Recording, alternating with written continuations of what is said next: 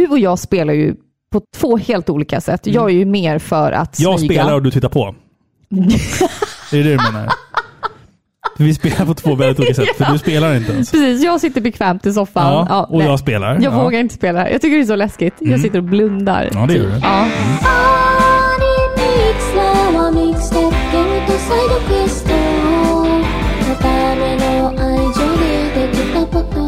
ア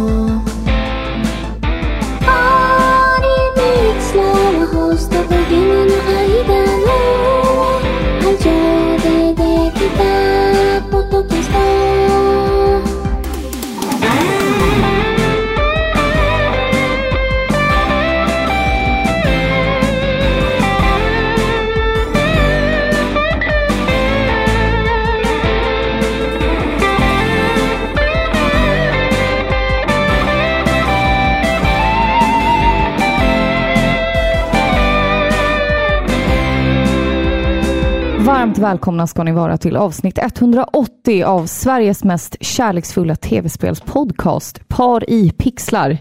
Jag som pratar heter Filippa och med mig har jag som vanligt Robin. Hej på dig! Gud, jag kan säga det där i sömnen. Ja. Ja. Jag, låter, jag lovar att om man lägger alla mina intron Mm. över varandra så är de identiska. Ja, alltså du, du har ju olika energier. liksom. Alltså, Va- ja. Ibland är du liksom trött. Och ibland är du så här överpigg, så jag får värsta chocken och på att ramla av stolen. Liksom. Ja, men du vet vad man säger. Va? Va? Vad säger man? Vad säger Fake it till you make it. Robin! okej, förlåt. Just det, Ja, det är dina veta, det är visdomsord. Ja, gud I, ja. I det här avsnittet ska vi prata om Naughty Dogs spel The Last of Us. Ja, Men du, du glömmer mig rätt snabbt. Hur mår du? Nej, nej, det, nej, det är inte det jag vill ta upp idag. Det jag vill ta upp idag är när vi, det som hände när vi åkte ner på stan. Jag vill, jag vill ta upp det här med dig inför lyssnarna. Vad har jag gjort? Vi parkerar bilen, alltså 30 meter ifrån Systembolaget. Mm. Ja. Och sen säger du så här, jag ska köpa champagne. ja. Eh, och sen säger du, ska du ha någonting? Och då säger jag så här, ja men du kan få köpa två öl till mig till poddinspelningen. Ja. Okej, säger du, och så går du iväg de där 30 metrarna till Systembolaget. Sen kommer du tillbaka och, och bara, ja just det, jag glömde öl åt dig. Jag bara, ja, ja, då åker vi hem då. Jag, var, jag köpte faktiskt fegisar till dig. Ja, lättöl köpte du. ja. Var det medvetet att du glömde ölen? Nej, Nej. jag stod där och visste inte vad jag skulle ha för skumpa. Och så bara, glömde du bort? Ja, förlåt, men jag är lite överväldigad. Jag firar idag. Du dricker ju champagne typ en gång i veckan. Nej, det är inte sant. Jo. Nej, det är inte sant. Nej, okej, men vad, vad är, du firar nu för att du är klar med den sista lektionen? Ja, Eller vadå? det låter så töntigt när du säger det på det här sättet. Det kanske är för att det är töntigt? Eller? Ja, det kanske är töntigt, men jag har slitit i två år nu och jag har haft min sista kurs nu. Mm. Nu har jag bara examensarbete och praktik, så jag är typ klar. Grymt. Inga mer Zoom-lektioner. Sen blir det mer podd efter det då, eller? Då... jo, men det hoppas vi. Självklart. Ja, men det, alltså, det har varit extremt mycket. Eh, plugg och familj och arbete och band. och Så är det. Så är livet. Precis. Det är värt det. Det är värt det, Mm. men eh, det var därför jag tänkte att nu ska vi äntligen sätta oss ner och släppa ett, ett avsnitt Ja, av Paripixlar. Det var länge sedan nu. Som vi har Eh, väntat. Men förhoppningsvis så blir det väl liksom mer när, när plugget är över. Liksom, För din del. Precis. Eh, Hur mår du? Vad, vad har hänt sen sist? jag, jag orkar inte ta det här, hur mår du? För jag är, jag är trött och du Okej. är också trött. Men vad har hänt sen sist? Jo, eh, diskmaskinen har gått sönder här hemma. Så att eh, om ni vill stötta podden Nej. så kan ni gå in på patreon.com snedstreck paripixlar. Vi anser att en diskmaskin till vårt hem är avdragsgillt. Det är redan grejat. Vad är det du kallar mig nu igen? Direktörn! Direktör Niklasson. Du är ju direktör här hemma. Du är du som tjänar pengar. Jag är ju tekniskt sett VD för, för mitt eget företag. Ja, det är, du, alltså, tekniskt sett så ja, det är du ju faktiskt. Det är ju faktiskt, ja. Ja. Nej, men jag, jag ska inte köpa en diskmaskin för Patreon-pengarna. Nej. Eh, bara så att ni vet. Eh, Jag har redan kirrat det. det, det har direktören redan betalat. så att, eh, men, men eh, ni kan få bli Patreons ändå.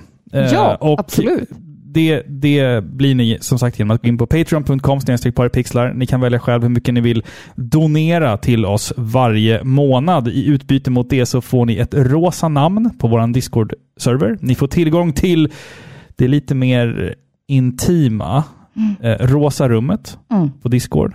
Eh, och ni får en shout-out här. Och, Och om ni vill, Ja. och det här vill vi i Ja. alla fall, Ja. så när ni blir Patreons, om ni vill, har möjlighet till det, så kan ni även säga till om ni vill att vi gör en lite halvdålig spontan roast. Alltså så här, en fördom, vi, ska, vi ska bygga en fördomsprofil baserat på ditt namn. Liksom. Ja, Alla, om som, man vågar.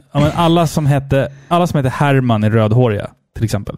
Så är det bara. Ja, och Lennart bor i Norrland och har en stöddig Ja, nyckelknippa. precis, till exempel. Det är ett bra Mm. exempel på det. Mm. Liksom. Men det är bara om man vill. Det är liksom inget... Ja. Jag tänker inte sitta här och mobba folk. Nej, nej, liksom. Det är- absolut. Vi är det snälla. Men det är Tråkig, kul. tråkig stämning då.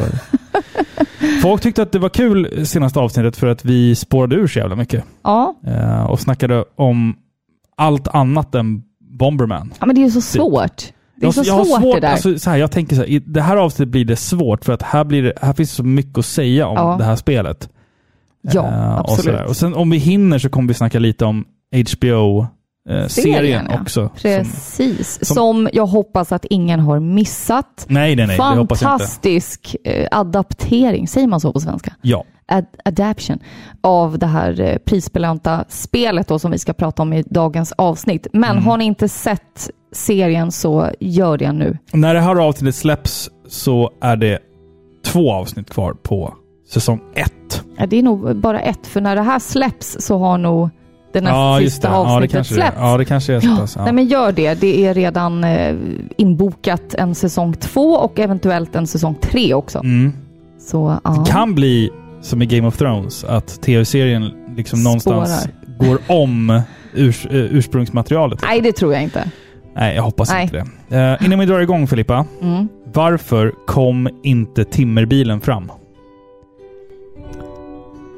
Det var trafikstockning. Nej. Åh. ja, kul. Nej, ska vi köra lite Last of Us, eller vad säger du? Ja, men nu kör vi. Nu åker vi. åker vi.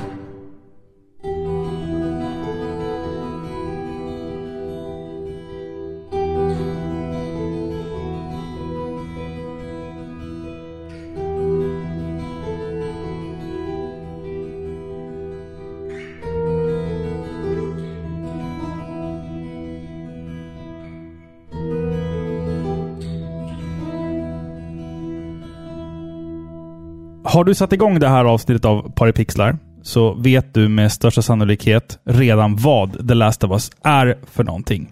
Det har varit svårt att eh, undkomma det, speciellt nu när som sagt HBO har släppt säsong ett av den här hyllade tv-serien. Ska vi, vi ska inte spoila det här spelet för er. Eh, utan vi vill att det här ska vara ett avsnitt för dig som både har spelat spelet, men också kanske dig som inte riktigt har hunnit spela spelet än. Du kanske, du kanske har sugits in av HBO-serien. Ja, jag tänker så här att i och med HBO-serien så har vi en hel ny publik som Ja. kanske tidigare inte har, eh, ja, men inte känner till att det var faktiskt byggt på ett tv-spel. Exakt. Eller exakt. baserat. Och då har vi hela den här nya eh, liksom, mängden Mm. människor som har fått upp ögonen för Mm. det här spelet. Och då vill ju vi passa på att öka intresset. Exakt.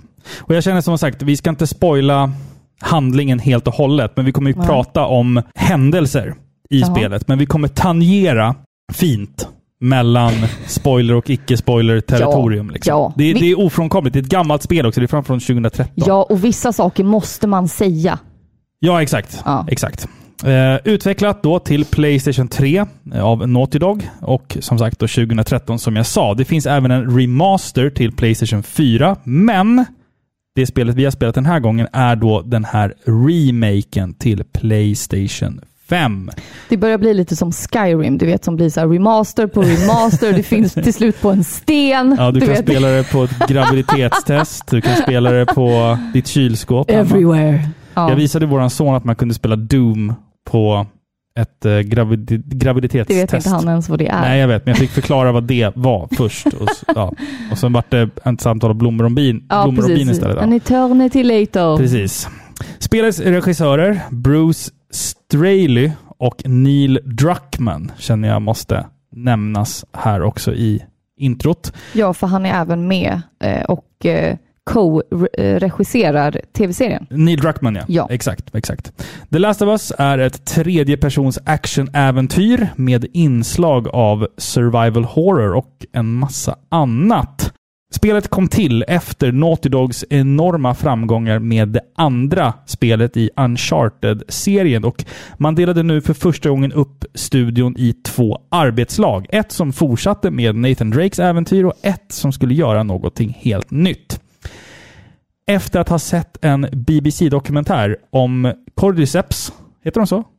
Ja, Cordyceps-svampar så föddes idén till The Last of Us.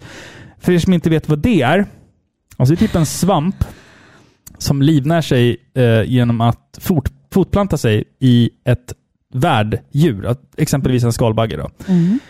Och sen tar död på djuret och kontrollerar djurets kropp. den efter... tar inte död på djuret. Nej, okej, men den, Nej. den, den styr djuret. Den liksom. kontrollerar värddjurets nervbanor Mhm. Ja, just det. Så, så, att den styr djuret, Mm. eh, insekten, oftast myror är det, till eh, svampens eh, lämpliga habitat.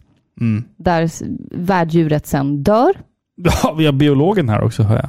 och svampen bryter sig loss ur värddjuret Ja, och utvecklar en fruktkropp där en, den släpper ut sporer. en klickermyra med andra ord. Ja, som kan infektera nästa Ja. myra. Mm. Ja, Det är otäckt skit det här. Det är Men det, det, det, det, som är sjuka med det här, det är att det är på riktigt. Ja. Det här är liksom reality. ja, det är otäckt som fan alltså.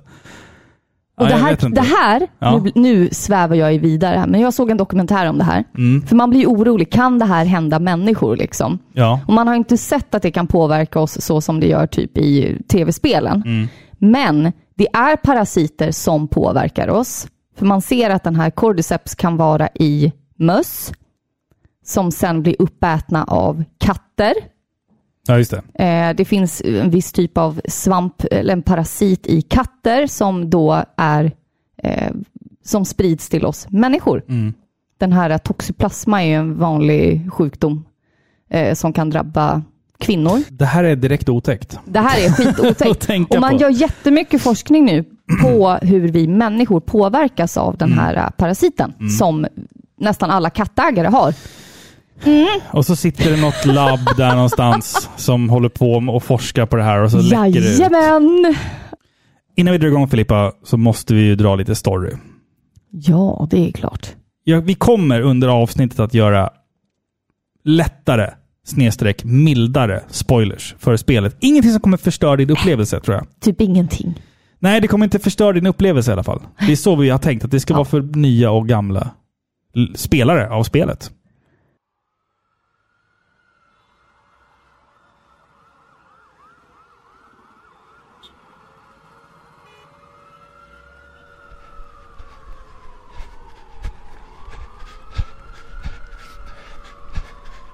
Han springer med snabba, men samtidigt tunga steg genom mörkret.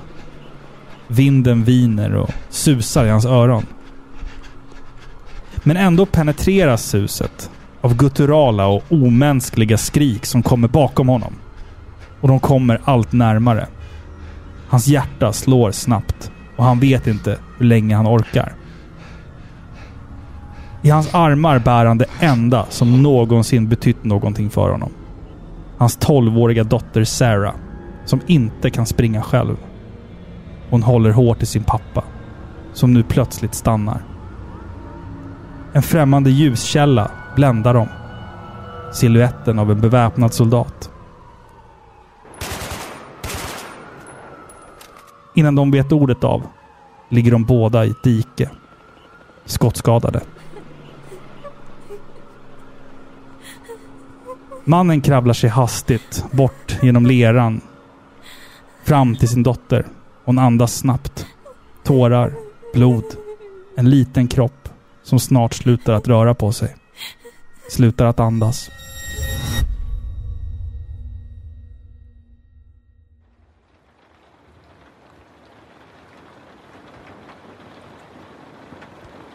Du pratar i sömnen, säger en röst. Joel inser att det bara var en mardröm. En mardröm som han drömt många gånger förut. En mardröm som han upplevde en sommarnatt för 20 år sedan. Då han förlorade sin dotter, sina vänner och livet som han levt. Jag hatar mardrömmar, säger rösten. Joel ser flickans ansikte i mörkret. Hon stirrar ut genom fönstret. Ut i natten. Ellie har nog inte sovit något alls. Hennes kläder ser smutsiga ut och det mörka håret är uppsatt i en hästsvans. Vet du vad? säger Ellie. Jag har aldrig varit så här nära. Så här nära utsidan. Joel reser sig från soffan för att komma närmare. Han uppfattar Ellies min som en smula förväntansfull, men också rädd. Det är natt de ska rymma. Joel har tillsammans med sin vän Tess fått i uppdrag att smuggla Ellie ut ur karantänzonen för att föra henne till rebellgruppen Eldflugorna. I utbyte ska Joel och Tess få vapen och andra förnödenheter som kommer vara till stor nytta för dem och deras liv innanför Fedras murar. Men i natt spelar de ett högt spel och insatserna kan kosta dem alla livet. Varför just Ellie? Vad gör den flickan så speciell? Är hon någon högt uppsatt persons dotter? För Joel spelar det ingen roll. Han känner ingenting för henne. Hon är bara fraktgods för honom. För 20 år sedan så startade det. Det som skulle bli mänsklighetens ultimata öde. Något som skulle förändra verkligheten för de få som faktiskt överlevde.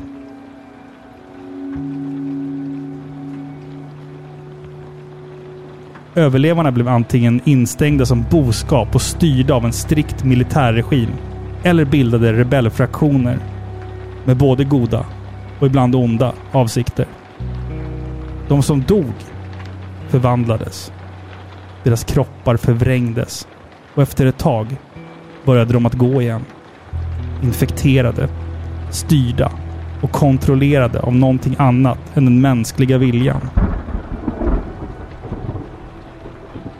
Det som för Joel skulle bli ännu ett skitigt uppdrag skulle bara vara början. Inte bara på en lång resa genom hela Amerika, utan även en personlig resa för honom att faktiskt börja känna något annat än ilska och hat i sitt hjärta. Ellie bär kanske på många nycklar. Kanske en till Joels hjärta. Men också kanske en nyckel till någonting väldigt mycket större.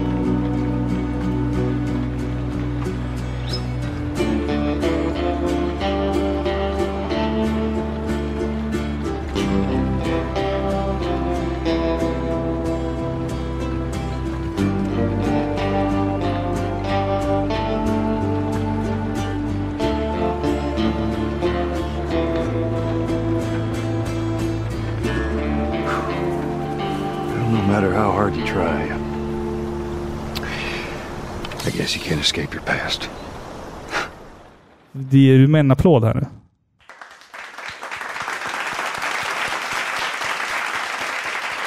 Bland det finaste du har gjort. Var det bra? Wow! Ja. Jag bara ryser. Ja. Mycket bra. Tack. Det är nästan som att du har läst en bok. Ja, jag kanske ska börja skriva böcker. ja, men det, det är väl en bra synopsis för spelet, tänker jag. Det är här vi tar avstamp ifrån. Det är här det börjar. Det är här det börjar. Liksom. Absolut. Hyfsat spoilerfritt. Ja. Nu kör vi. Det här är liksom premissen för spelet. Presentation. Eh, direkt så känner jag att Naughty Dog visar vad de kan bäst. Och det är att skapa fiktiva världar som någonstans är grundade och baserade på Eh, verkligheten. För även om vi har liksom svampinfekterade monster och det här liksom postapokalyptiska konceptet, att det är liksom helt fiktivt, eh, så finns det alltid liksom någonting under detta. När vi går runt där under de här rasade, raserade byggnaderna, kraschade bilarna och, och liksom fritt växande natur, så kan vi ändå se en eh, att en normalt fungerande värld har funnits under allt detta. Och när man smyger igenom de här liksom folks så här förstörda hem och sönderbombade köpcentrum och myndighetsbelägrade skolor som har formats så, så, så, så får man liksom känslan av att liv har levts här. Ja. Alltså det, det, är så här, det är liksom en fiktiv värld, fast det känns ändå som att det har varit en levande värld innan Ja. vi trädde in i den. Absolut. Det där är ett väldigt kraftfullt eh, verktyg tycker jag och det är väldigt svårt att få till rätt. Ja. Speciellt om det är en dåtid som är så pass nära vår egen nutid, om man säger så. Andra spel som försöker skildra liksom gamla civilisationer, jag tänker typ på Shadow of the Colossus, eh, The Last Guardian, när man vandrar runt i gamla civilisationer. Det, gör, det ger en en speciell känsla, förstår du? Det är ett slags vemod på något sätt. Här har människor levt, men de lever inte här Nej, längre. ma- man är både Och- den första och den sista som Ja, besöker platsen. Precis, det är en slags eh, tidskapsel från den tiden. Mm. Och det, när man då gör det som i det här spelet, att det ska bara ha gått 20 år Mm. eh, och 2013 då, som enligt spelet är Outbreak Day, eh, det är ju ett år vi alla minns. 2013, vi, vi fanns där. Det är liksom inte på 1800-talet, utan vi kan lätt eh, liksom kontrollera om de har fått alla detaljer rätt. Hmm, fanns det där bandet då? Hmm, det där är en plansch Ja, från det här bandet. Och där ligger ett eh, DVD-fodral med den här, bla bla bla, den här filmen. Fanns den då? Och de har lyckats med allting. De har varit så minutiösa på eh, detaljerna. Och det tycker jag är så spännande. Det där tycker jag är roligt faktiskt, när du säger att de, de blir ju... Karaktärerna i spelet pratar ju också om just den här typen av mediaformat. DVD-filmer Ja. och så här. Fatta liksom vad rare vissa, vissa föremål blir. Liksom, så att De blir jätteglada för att de hittar ett kassettband med någon artist Mm. Ja, de tycker om. Liksom. Precis. Jag tycker att det, det är... Det har man liksom på något sätt... Eh, eh, vad ska man säga? Nej, men det, det är väldigt kraftfullt. Ja, jag tycker exakt. att eh, oavsett om det är eh, en zombiefilm eller om det är ett tv-spel, alltså alla sådana här eh, format, vad ska Mm. man säga, eh, upplevelser eh, som skildrar just det här att en civilisation har eh, gått under. Mm. Det, bara det i sig är en sån otroligt kraftfull och vemodigt inslag, tycker jag, Mm. som påverkar en så mycket, tycker jag. Och de har gjort det fantastiskt. Jag tycker, ja precis, detaljrikedomen är ju liksom enorm. Vi kommer liksom in i ett, hus där det ligger så smutsiga kläder kvar på golvet.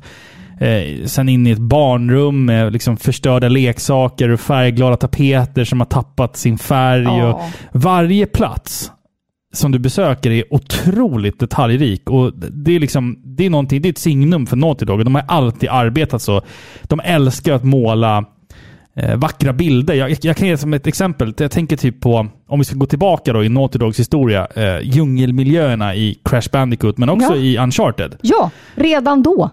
Det, det, de vet liksom hur, hur viktig spelarens omgivning är för att få spelaren att känna en känsla av eh, typ sammanhang och engagemang. Ser det för jävligt ut så är det inte säkert att man liksom sugs in i världen. Om man upplever att det, liksom, att det känns orealistiskt. Liksom. Precis, och föreställ dig då att vi skulle ha ett spel som är Eh, för det här spelet är ju linjärt, Ja, det är väldigt linjärt. är du ju. Mm. Du kan ju inte liksom ta andra vägar. Du kan inte eh, välja själv på det sättet. Och du Men kan, trots inte, du kan inte det, backtracka heller. Nej, precis. Det är liksom kapitel. Mm. Men föreställ dig att du skulle gå på en gata. Du Mm. har raserade hus på bägge sidor. Du har eh, kraschade bilar på gatan. Men that's it. Det Mm. är allt. Det är inget mer. Du ser in, det är ingen energi, liksom tid som är lagd på bakgrunderna, vad som sker bakom husen. Eller ingenting, bara det. Mm. Det hade varit platt, eh, oinspirerande. Här har de ändå skapat en hel värld. Du går egentligen mot en fast punkt hela tiden. Det är Ja, ett linjärt Ja. spel, men ändå så har de skapat en sån stor värld där du kan hitta detaljerna från eh, 2013 Mm. bakom en soptunna i en gränd som ingen kanske ens hittar. Ja, men exakt, och det är också mycket, jag tänkte på det, det är mycket assets, alltså eh, saker som du kan hitta eller se. Du kan inte interagera med dem, men du kan se dem. Och det finns typ så här, jag hittade en trasig elgitarr. Ja, Jag har bara hittat en sån i hela spelet. ja. Då är det någon som har suttit och gjort en trasig elgitarr, en 3D-modell. Och så används den i ett rum av, i, i spelet. Och det här rummet är inte ens obligatoriskt att du behöver gå in i. Nej. Alltså den nivån ja. Väldigt detaljrikedom. Ja, det är väldigt ambitiöst. Men när vi ändå pratar miljöer och sådär. Mm. Eh, det är ju otroligt varierade miljöer. Mm. Och all den här tiden och passionen som de har lagt ner, det syns i alla detaljer, eller i alla miljöer som man besöker. Du börjar ju i den här täta urbana miljön med raserade liksom, skyskrapor och r- radhusmiljöer. Liksom. Men du är ju även ute i skogen, du är vid stranden, du är nere i kloakerna, i fabriker. Eh, årstiderna skiftar, det är vår, sommar, höst, vinter. Alltså det är fantastiskt. Ja, spelet utspelar sig under ett år och eh, mellan varje årstid så, liksom börjar liksom, så hoppar du några veckor och så blir det liksom ett nytt kapitel och så är det liksom sommar. Precis. Sen spelar du, sen händer det någonting och sen går det några veckor och sen får du fortsätta spela och då är det höst. Liksom. Så Mm. Jag gillar det. Det är Spelet, väldigt, spelet är eh, indelat som, som Vivaldi då, i de fyra årstiderna. Liksom. Precis, det är väldigt konstnärligt tycker jag. Du sa en rolig sak där. Du sa, du sa mitt hatord på svenska. Urban. Ja, jag hatar det. Jag tycker att det är ett sånt jävla dumt ord. Alltså, det, är, det, är så, det är ett sånt fult ord. Ja, men ja, urban. Ja, Nej, men, får jag berätta en, en liten sak om jag ur- kan ju bara säga Ja. att det är ett ord som förekommer ganska ofta i min utbildning, så det är väl därför. Urbana, grönmiljöer. Fan vad töntigt. Ja. Men det jag skulle säga var, eh, jag, jag, har, jag har problem med det namnet också. Alltså Urban. Jag tycker att det är... Jag tänker på en banan. Ja, jag tänker på typ en tunna. En brun banan. En, en rostig tunna. Ja, det, är- det är en Urban. Typ. Jag vet inte varför jag Men- associerar det. Men skitsamma. Eh, jag, jag hade träffat en tjej en gång. Långt före vi eh, hoppas träffades. jag. Det, var, det här var tio år före. Och då skulle jag gå hem till henne första gången. Och så gick vi där. Och sen så sa jag så här, vad heter dina föräldrar? Liksom. Så heter de Urban. Och sen, sen sa hon Båda så här, men du, du får gissa, sa hon. Så här, vi hade långt att gå, så vi gjorde liksom en lek av det. Och då sa jag så här, ja men din farsa kan ju fan inte heta Urban i alla fall, för det är det fulaste namnet någonsin. Och hon bara, hur visste du att han hette Urban? Nej, Så, jo, det är sant. det där har ju inte hänt. Det är visst sant. Och så kom vi fram och så bara, ah hej, Urban. Jag bara, Nej, Så- fy. panik. Va? Ja. Det där förtjänade du. Jag ber om ursäkt till alla Urban där ute. Men ni har ett skitfult namn. Jag tänker en, en Urban, en liten spontan roast här bara. Ja. En Urban, han har stora fötter. Mm. Jo, Har han det? ja. Har Han är- Urban stora Han är fötter? inte klen. Finns det ens folk som döper sina, sina, sina barn till Urban? Ska, Ja. vi, ska vi kolla bara lite snabbt? Ja. Du vet, gamla namn, de kommer igen. Nu, är ju, nu föds ju ungar och heter Nils och Ivar. Året, Men gulligt. det finns ingen mätning här, men året 2003 Mm. så fick 27 pojkar namnet Urban. Ja, men 2003, det är ju liksom 20 år sedan. Ja. Vad betyder Urban? Berätta. Be, be, be, det betyder belevad. urban. Nej, Be- be, belevad. Belevad, okej. Ja. Ja. Ja. Alltså det kommer ju från stad, alltså ordet stad där. Ja, skitsamma. Förtätning. Ja, ska vi gå vidare? Ja, det är också ett ord som är på min favoritlista just nu. Du pratade om urbana områden Ja. i det här spelet. Och eh, de här eh, fienderna som vi stöter på, de eh, gör ju att miljön kring sig, som de har kring sig, förändras. Mm. Då, de här svamparna Mm. eh, som växer. Naturen reclaimar sin rätt och liksom Ja. bryter ner motorvägar, bostadsområden, gator eh, med både liksom en tätbeväxt grönska, Vegetation. vegetation, Många tack. ord du lär dig. Ja, men också svampar i vissa områden. Du Ja. kommer in i de här äh, nerstängda skolorna och tar dig ner i källaren och där Mm. märker du att dörren har liksom svampats igen. Precis, nej nu tänkte jag säga något väldigt olämpligt. Va? Precis som underlivet på Nej. en äldre kvinna. Nej, fy! Det liksom Robin! svampas Nej. igen. Eh, Får, får man säga sådär? Nej, det får man inte säga. Nej, men nu har har du sett underlivet på... Nej. Nej, jag har inte sett många underliv not på go äldre. there. Nej. I alla fall då, alltså det blir en otäck miljö och Ja. de här sporerna. Eh, det, det blir liksom ett, ett vackert och otäckt mörker. Eh, som de här, eh, liksom, det här svampsekretet Ja, som klättrar upp på väggarna och kapslar in hela sin omgivning. men nu ska jag säga någonting. Mm. Jävligt märkligt. Ja. Jävligt flummigt. Okej. Men så här är det. Ja. Vi människor. Jag tänker så här att vi, vi har nog försökt stänga ute naturen. Mm. Förstår? Med våra städer och förtätning och urbanisering Ja. och allt sånt där. Förstår Ja. Vi, vi bygger på höjden och vi håller borta Liksom vi asfalterar vägarna och vi rycker upp liksom minsta Ja. ogräs vi ser. Jag tror att vi har liksom en inboende rädsla för när naturen tar över. Det är skrämmande på något sätt. Det är klart För vi har så, det. det är alltså, ett- Så är det ju. Även om vi härstammar därifrån liksom, och vi mår bra av att vara ute i naturen och sådär, Mm. liksom mentalt. Jag tror att tanken på att naturen tar över är skrämmande.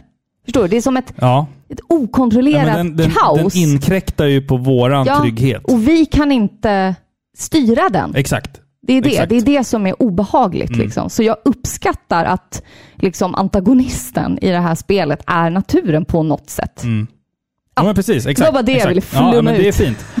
Men, men som sagt då, som jag pratade om, de här um, svampställena då.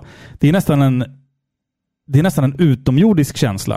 Att Ja. gå ner i någon tunnel där det växer svamp överallt. Och eh, den här liksom partikeleffekten med, med dimman som nästan liksom, de här sporerna nästan skimrar i ljuset. Mm. Liksom. Eh, och man känner sig direkt eh, som att man spelar på bortaplan för första gången. Ja, eller hur? Man, Eh, man går runt i en rymddräkt på en främmande planet. det känns så. Det känns så. Det är första gången jag gjorde en idrottsreferens i den här podden tror jag också. Man spelar på bortaplan. Ja, just det. Men det är ju lite så. Det var ju fint. När man går på, stä- på, på liksom, eh, gatan, då känner man ändå så att här har det levt saker. Mm. Liksom. Men sen när man kommer ner i de här tunnlarna och där det har liksom vuxit svampar och grejer, då, då känns det utomjordiskt och Mm. otäckt och främmande. Och, Mm. och då är man inte längre trygg, känner jag Precis. i det här spelet. Vi ska inte prata gameplay riktigt än, men jag uppskattar att spelet tydligt visar dig eh, när kusten är klar, så att säga. Du får andas ut och bara vandra runt och titta dig omkring i den här fantastiska världen som är skapad. Eh, annars blir det blir liksom lätt att man så jagas runt och fokuset hamnar någonstans på att jag vill inte dö. Liksom. Absolut. Men i det här spelet eh, så, så får du liksom... Ibland så är det bara en walking simulator. Med typ härliga dialoger. Och du får faktiskt tid att njuta Mm. av omgivningen. Ja, och den här, med. den här fantastiska världen som nu är i, i ruiner. Mm. Eh, och det, det känns välbekant. Det känns precis som i Uncharted. Där det ibland är liksom byggt som ett vackert sceneri. Där bara, här ska du bara få gå, uppleva och titta på när karaktärerna interagerar med varandra. Mm. Det tycker jag att Naughty Dog, alltså varenda spelstudio i hela världen borde ta efter det. Men vet du Robin? Mm. Vet du hur du spelar det här spelet? Du Ja. spenderar 95% av tiden med att hålla kameran neråt. Man Man ser, letar ju efter saker. man ser golvet och halva väggen. Du tittar Men aldrig jag, upp. jag, letar efter saker. Jag letar efter saxar och flaskor och bandage. Silvertejp. Ja. Precis. Nej, men det, är, det, det, är, det är väl en, en liten nackdel Mm. faktiskt. Att man, när man väl går runt i de här vackra miljöerna så är det liksom mer, man, man, man har någonstans ett fokus på att hårda saker. Mm. För att material och sånt är ganska scarce Mm. i det här spelet. Det är svårt att hitta eh, många saxar och am ammon är jättesvår att få tag på. Många gånger. Ja. Eh, och då blir det lätt att man liksom riktar kameran ner mot golvet för att där skit ligger. I lådor och skit. Liksom. precis. Eh, så ibland så liksom bryts illusionen lite. Det pendlar ju mellan att, att ha liksom en filmisk känsla och att vara ett genuint tv-spel. Men när, när, men när jag känner att jag måste gå och rota i lådor och titta på golv, då känns det som ett tv-spel. Men när jag bara får gå, då känns det som någonting annat. Då, är det liksom, då, då snackar vi Shadow of the Colossus territorium här. Att då är det liksom en upplevelse. Då är det mer än bara ett spel, liksom, känner jag. Vi ska inte släppa grafiken riktigt än. Jag känner att jag vill prata lite om monstren Mm. och eh, våra karaktärer. Liksom.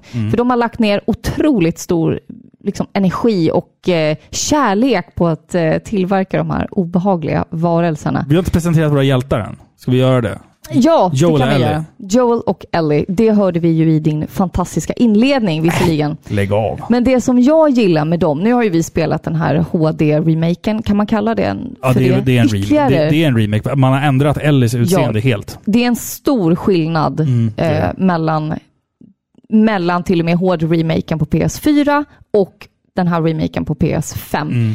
PS5-versionen är fantastisk. Alltså deras ansiktsuttryck Det är inga är laddningstider heller. Inga laddningstider. Faktiskt. Alltså Mm. Allt flyter på jättebra, så det är en väldigt stor skillnad. Men det jag uppskattar kring hur de ser ut är verkligen de här eh, ansiktsuttrycken. Mm. De är så realistiska. För det finns ju ett sätt du kan göra för att ta ihjäl fiender. Du kan liksom smyga, eh, smyga på dem bakifrån och eh, strypa ihjäl dem. Mm. Mm. Lönnmörda dem. Mm. Mm.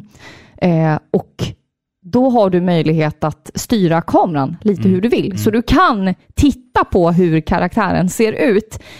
Det är liksom en sak som, den är egentligen onödig, förstår du? För du kanske inte ens hade behövt se den. Men man ser hur de kämpar Tar och tar i. i, Ja, och liksom Exakt. vreden i Exakt. deras ansikten. Det uppskattar jag jättemycket. Mm. Verkligen att de lagt ner eh, liksom, energi på det. Mm. Men monstren måste vi prata om. De är ju otroliga. För vi har ju de här äh, varelserna. Det här är inte zombies, utan det Nej, är de här nej. svampinfekterade människorna i olika stadier. Det är viktigt att komma ihåg. Vi har de här som faktiskt fortfarande ser ut som människor. Mm. De kanske blöder från ögon och näsa. De skriker. De kan fortfarande se dig. Mm. Men så har vi de här som faktiskt har varit infekterade i flera år. Och där har liksom svampen, precis som med myran i verkligheten, där har svampen brutit sig ut ur deras kropp och liksom skapat de här förvridna sporpysande varelserna som knappt är igenkännliga längre. De ser inte ut som människor. Och de bara skriker och liksom har någon form av ekolod för att lokalisera vart du är. Och det är så otroligt bra gjort. Mm. Att man har med alla stadier av... Ja, För först är de ju runners. ja precis. Och det är de ju att, som du sa, de kan, de kan se och höra. Sen blir de Mm. Och stalkers. de grinar. ja, de precis. Ja, de har och fortfarande här ont. Liksom. klagar och... Ja. Det är äckligt Och sen blir de ju stalkers. Och då är de ju liksom mer aggressiva. Mm. Eh, och sen blir de clickers när de är svampinfekterade. Lämnar du en svampinfekterad ensam tillräckligt länge så blir den bloater. Mm, Det är som jag har förstått det. Så, precis. så är det så det funkar. liksom. Exakt. Mm. Och det är ja, fantastiskt. Ja, alltså designmässigt så är det ju någonting otroligt otrevligt Mm. med att, att möta en fiende som har mänskliga proportioner, Mm. mänskliga drag, men som inte längre är en människa. Ja. Som är, du ser att liksom skallen har liksom spräckts i mitten Ja. och så är det bara en jävla svamp med tänder som Ja. jagar dig. Det är, Aj, fy alltså. alltså, big ups till mannen som designade de här. Aj, fruktansvärt. de, de ser ju verkligen så... Alltså det, de är så långt ifrån det här generiska zombie-monstret som vi har sett så många gånger. Eller det här rymdmonstret som vi har sett så många gånger. Det här är någonting... Det är en unik eh, design på hotet du ställs inför. Det, det är någonting helt främmande. Ja, taget ur om jag får säga det, verkligheten. Mm. Alltså, och, förstår du? För det är ju så här det ser ut på Myrorna. Ja, exakt, exakt. Nej, det är Och, fruktansvärt. och jag känner också att eh, om vi ska gå tillbaka till Joel och Ellie och alla andra fantastiska karaktärer i det här spelet, så man kan liksom avläsa tusen tankar i både Joel och Ellies ansikten under resans gång. Ibland behöver de inte säga någonting, utan man ser på dem vad de känner. Det kan vara förtvivlan, det kan vara glädje, ilska, uppgivenhet. Det är så otroligt välgjorda karaktärsmodeller som, som redan på Playstation 3 eh, var liksom bländande vackra. Om man nu kan kalla Joel vacker. Ja, Han är ju en äldre man. man kan kalla honom Men, men äm, det jag menar är att det finns så mycket uttryck i de här. De, de känns levande och det, det är en grej som, som kommer igen också. Naughty Dog har alltid lyckats skapa karaktärer som man kan eh, både läsa känslor i deras ansiktsuttryck, men också eh, känna sympati och empati för. Oavsett om de liksom är liksom douchebags. Så man känner för karaktärerna. Man kan identifiera sig med deras, deras lidande. Alltid, Absolut, alltid. de är otroligt välskrivna. Och här kommer vi till det här begreppet som jag inte riktigt tycker om. När det är ett spel som är så här vackert, så här dramatiskt, så säger man alltid det känns som en film. Som, som att det på något sätt, som att, på, som att spel på något sätt ska sträva efter att vara film. Som att film är ännu finare. Tv-spel är och kommer alltid att vara något helt annat än film. Det är bara en mans åsikt här. Men vi bjuds i alla fall på, på en, en, en eh, upplevelse som stundvis känns direkt magisk. Och eh, detta är för att karaktärerna hela tiden känns äkta. Och man... Det är klart man tittar på hur man gör film. Det ser man ju i, i sättet de har gjort cutscenes i det här spelet. Att det är väldigt liksom, inspirerat av film. Fast det, jag, jag gillar liksom inte den här grejen att man säger att Åh, det känns som en film. För att det tycker jag är lite att pissa på vad tv-spel faktiskt har byggt Ja. upp. Alltså kolla på, kolla på filmen. Filmens värld. Hur mycket har hänt egentligen i filmens värld på 60 år? Nej, men jag vi, fattar vi, vad du menar. vi har fortfarande samma, liksom det här akt 1, akt 2, akt 3 i en film. Visst, specialeffekten har blivit bättre. Eh, och liksom sådär. Och Filmerna är fortfarande lika långa. Det är fortfarande så här, du har en huvudkaraktär, en bikaraktär, bla bla bla. Kolla på hur mycket spel har utvecklats Mm. på 30 år. Spel är någonting helt annat. Well said. Det är någonting helt annat än Jag, film. jag håller med. Jag tror att film har ansetts vara det här ultimata Mm. mediaformatet. Du vet, vi började med papyrusrullar och stentavlor och sen Mm. blev det böcker och teater. Eh, och nu kan, vi, nu kan vi bara sätta oss bekvämt bak i soffan och titta på en film utan att behöva göra någonting och Mm. ändå få alla intryck. Men spel står på egna ben. Det gör böcker också ska jag säga. Jag orkar inte Verkligen. bry mig om böcker. Jag skiter i böcker. Ja, det vet ni. Men spel står på egna ben. jag, det ty- vill jag, jag säga. tycker det också. Och jag älskar tv-serien, men det finns vissa scener i tv-serien som de, det, alltså, det kommer inte ens i närheten av hur kraftfull scenen var i spelet. Mm. Utan att spoila för mycket. Vi, Ja. vi, vi tar HBO. HBO's, just The Last, saying. ja, vi tar Mm. HBO's The Last of Us senare. Men, men som du säger, jag, jag tycker att det finns så många scener i de här, det här spelet som är så otroligt starka. Eh, vi kommer kanske komma in lite mer på det när vi pratar story. Som sagt, jag, jag, jag känner ju också liksom att jag tycker bara att det, det, det är många, många stunder där det här spelet är fullständigt briljant när det Mm. kommer till hur Ja. karaktärerna interagerar med varandra. Liksom. Absolut. Och det får mig faktiskt att tänka på ytterligare en faktor som gör att vi älskar de här karaktärerna. Mm. Och det är ju det fantastiska röstskådespelet. Ja, gud ja. Gud ja! Oj, oj, oj. Det här, alltså, de här två karaktärerna, Joel och Ellie, spelade av, nu minns jag inte, du vet vilka de, vad heter, vad heter de? Troy Baker och eh, Ashley Johnson Så heter de. Joel. Briljanta! Åh, vad de är duktiga. Det märks att de är erfarna. De lägger ju grunden till karaktärerna. Mm. Animation i all sin ära och miljöer, men det hade fallit platt om det inte vore för de här två människornas fantastiska insatser. Ja. Alltså, det här är ju inte bara en berättelse om eh, zombies, eller jag säger zombies, och överlevnad. Det här handlar ju om människorna. Mm. Hur de påverkas av det här, hur de förändras. Eh, och Det här kräver bra röstskådespelare. Mm. Och de gör ett fantastiskt jobb tycker jag av att förmedla den här känslan av den här sorgtyngda pappan och eh, en rebellisk tonårstjej med en stenhård fasad. Förstår du? Mm. Jag älskar hur deras kemi kommer till uttryck då via de här fantastiska insatserna och de här små dialogerna som man får höra. Ja, alltså, jag, jag tycker det är fantastiskt hur Troy Baker kan göra om sin röst. För han låter ju verkligen inte som Joel Nej. i verkligheten. Verkligen Men han inte. ställer till med den här mörka, nästan Ellie, Ellie. Ellie. Du vet det där. Hon har en ganska ungdomlig Mm. eh, röst som jag... Alltså direkt när jag hör henne, Mm. eh, Ashley Johnson, i ett annat spel, då tänker jag direkt på att det där är Ellie. Ja. Liksom. Det, Hon- hen- hennes, hon är röst, ja, Ellie. hennes röst är så unik. Alltså. Den är lite Och- nasal Jag liksom. får med att man kastade henne först och sen så provade man eh, en massa olika Joels, men Mm. hon kände att hon inte hade någon kemi Nej. med någon av de här och kände så att äh, fan, jag vet inte hur det här kommer gå. Ja. Och sen sista dagen så, så kom Troy Baker in Mm. och då kände de direkt att eh, det här Mm. är bra kemi. Liksom. ja, men det är ju liksom som... Eh, vi säger så här då. Mm. Vi säger så här, apropå den här liknelsen mellan film kontra tv-spel. Mm. Animerad film nu för tiden, då har du en skådespelare som står ensam i ett rum, läser in sitt manus, har hörlurar på sig, säger sina repliker, kanske inte ens möter sin motspelare. Nej, nej, precis. Så är det ju oftast. Det många Hur går det till i spel? Jo, de är motion-cappade, de agerar ut scenerna på riktigt Ja. för att liksom få den här eh, energin som de ska kunna liksom förmedla.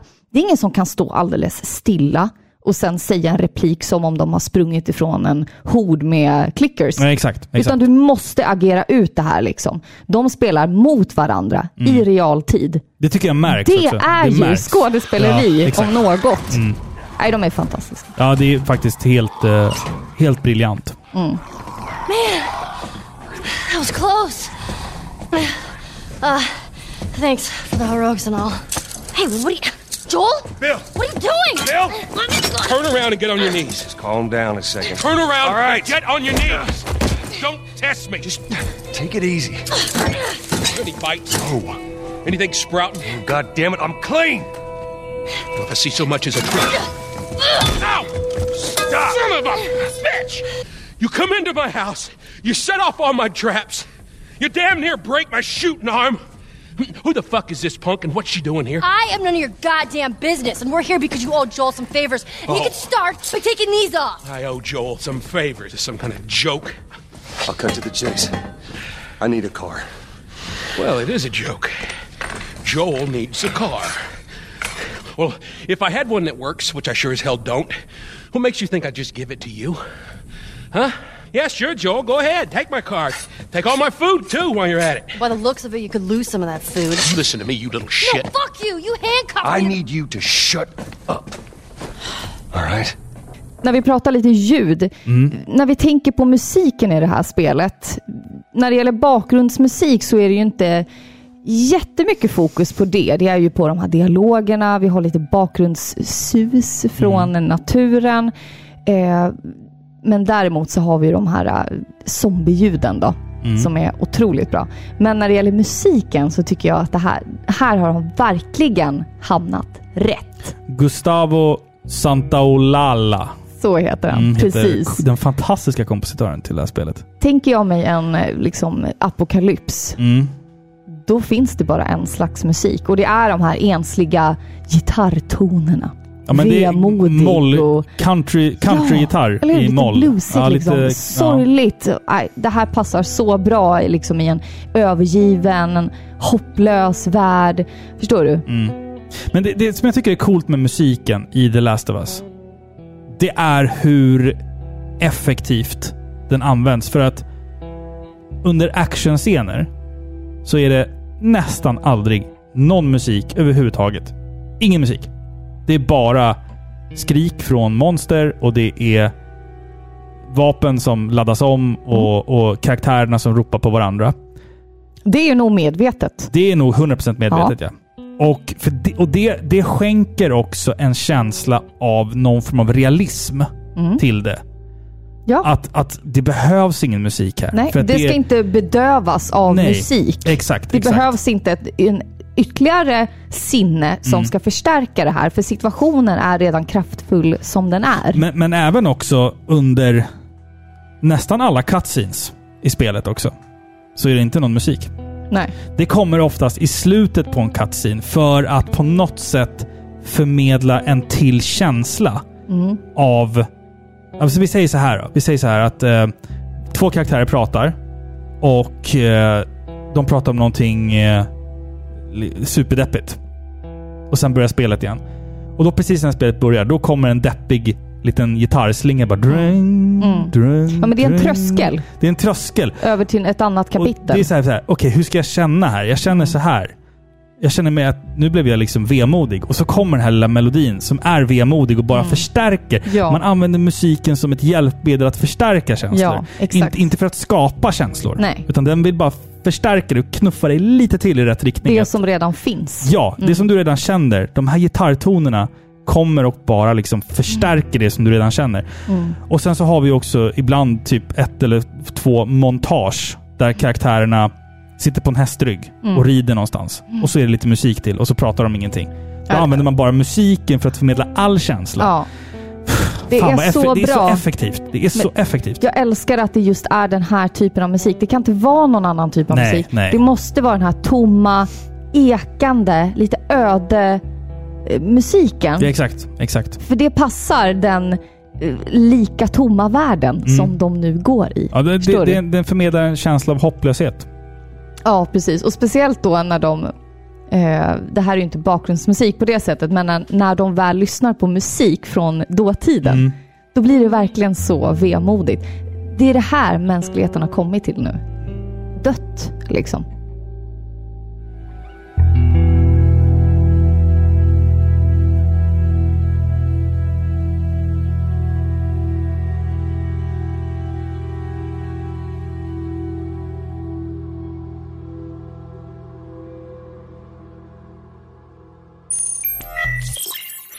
Det här avsnittet av Par i pixlar görs i samarbete med Norrtäljes Pärla spel och sånt. Retrospel och nya spel både på webben men också i den fysiska butiken. 25 mars, Filippa. Då händer det grejor. Då är det grejer, va? Då är det grejor. det grejer. jo, men det stämmer. Ja. De har ju lite jubileum. Femårsjubileum för den nya butiken som nu kanske inte är så ny då när den fyller fem. Sätt på en wow. Vä- vänta, vänta, vänta. Nej, vet, vet du vad vi gör? Vet du vad vi gör för spel och sånt? Vi gör så här. En ny! Ja. Nej! Men de, förtjä de förtjänar en sån. Ja, gud ja. Eh, fem år i den nya stora fina butiken och den 25 mars år 2023 Mm. så kommer de att fira och vi hoppas att det kanske kommer några par pixlar-lyssnare dit. Mario och Luigi kommer fan mig dit. Det är ju stort. Hur sjukt är inte det? Ja, det är inte klokt alltså. Alltså, det, och det är inte Peter och Borka utan de, de nej, riktiga, nej, nej. den riktiga Mario och Luigi. Ja, ja, absolut. Det är alltid de riktiga. Peter och Borka är ju liksom Norrtäljes eh, svar på Luigi.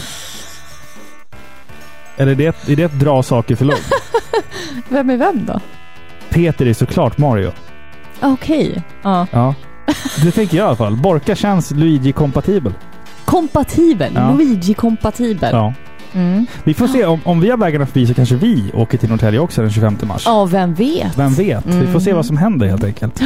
Men tills dess så tycker jag att ni ska gå in på spelosont.se och kanske titta runt vad de har. Så kanske ni kan, så här, när ni är där den 25, kanske plocka på er den där grejen. Liksom, eller lägga undan den. Så här, jag vill köpa det här men jag kommer och hämtar upp det den 25. De, de kan ju lösa allt sånt där åt dig. Ja, gud ja. De har allt. De har you allt. want it, they have it. Precis. Mhm. Så vi säger väl återigen stort tack. Och grattis då till femårsjubileet i förskott. Ja, Eh, men tack som vanligt till spel och sånt. tack. Okej, jag vet vad du tänker. Varför blir den här grymt snygga igelkotten intervjuad i par i pixlar av Robin och Filippa? Hi, this is Christopher Randolph, the voice of Otacon. This is Corey Marshall, the English voice of Ryo Hazuki. My name is Robert Belgrade, the voice of Alucard from Castlevania. Mitt namn är Annika Smedius, den svenska rösten till Sailor Mercury ifrån Sailor Moon. Och du lyssnar på Par i pixlar med Robin och Filippa. Varför la man ner fallet om den försvunna dörrmattan? Man hade ingenting att gå på. Nej. Vad, he, vad, vad heter den småländska sagan om IT-konsulten? Den här är Men, så Va? jävla Vänta. dålig. Alltså, jag hänger inte ens med. Småländska sagan om, den... IT, IT-konsulten. E-mail i Lönneberga. Ja, den var rätt B. Åh, Tidus fick vara med i det här Åh! avsnittet också. Härligt att höra att han, är, Tidus. att han är med. Oh my god. What is it? Ellie! Ellie! You gotta see this. What is it?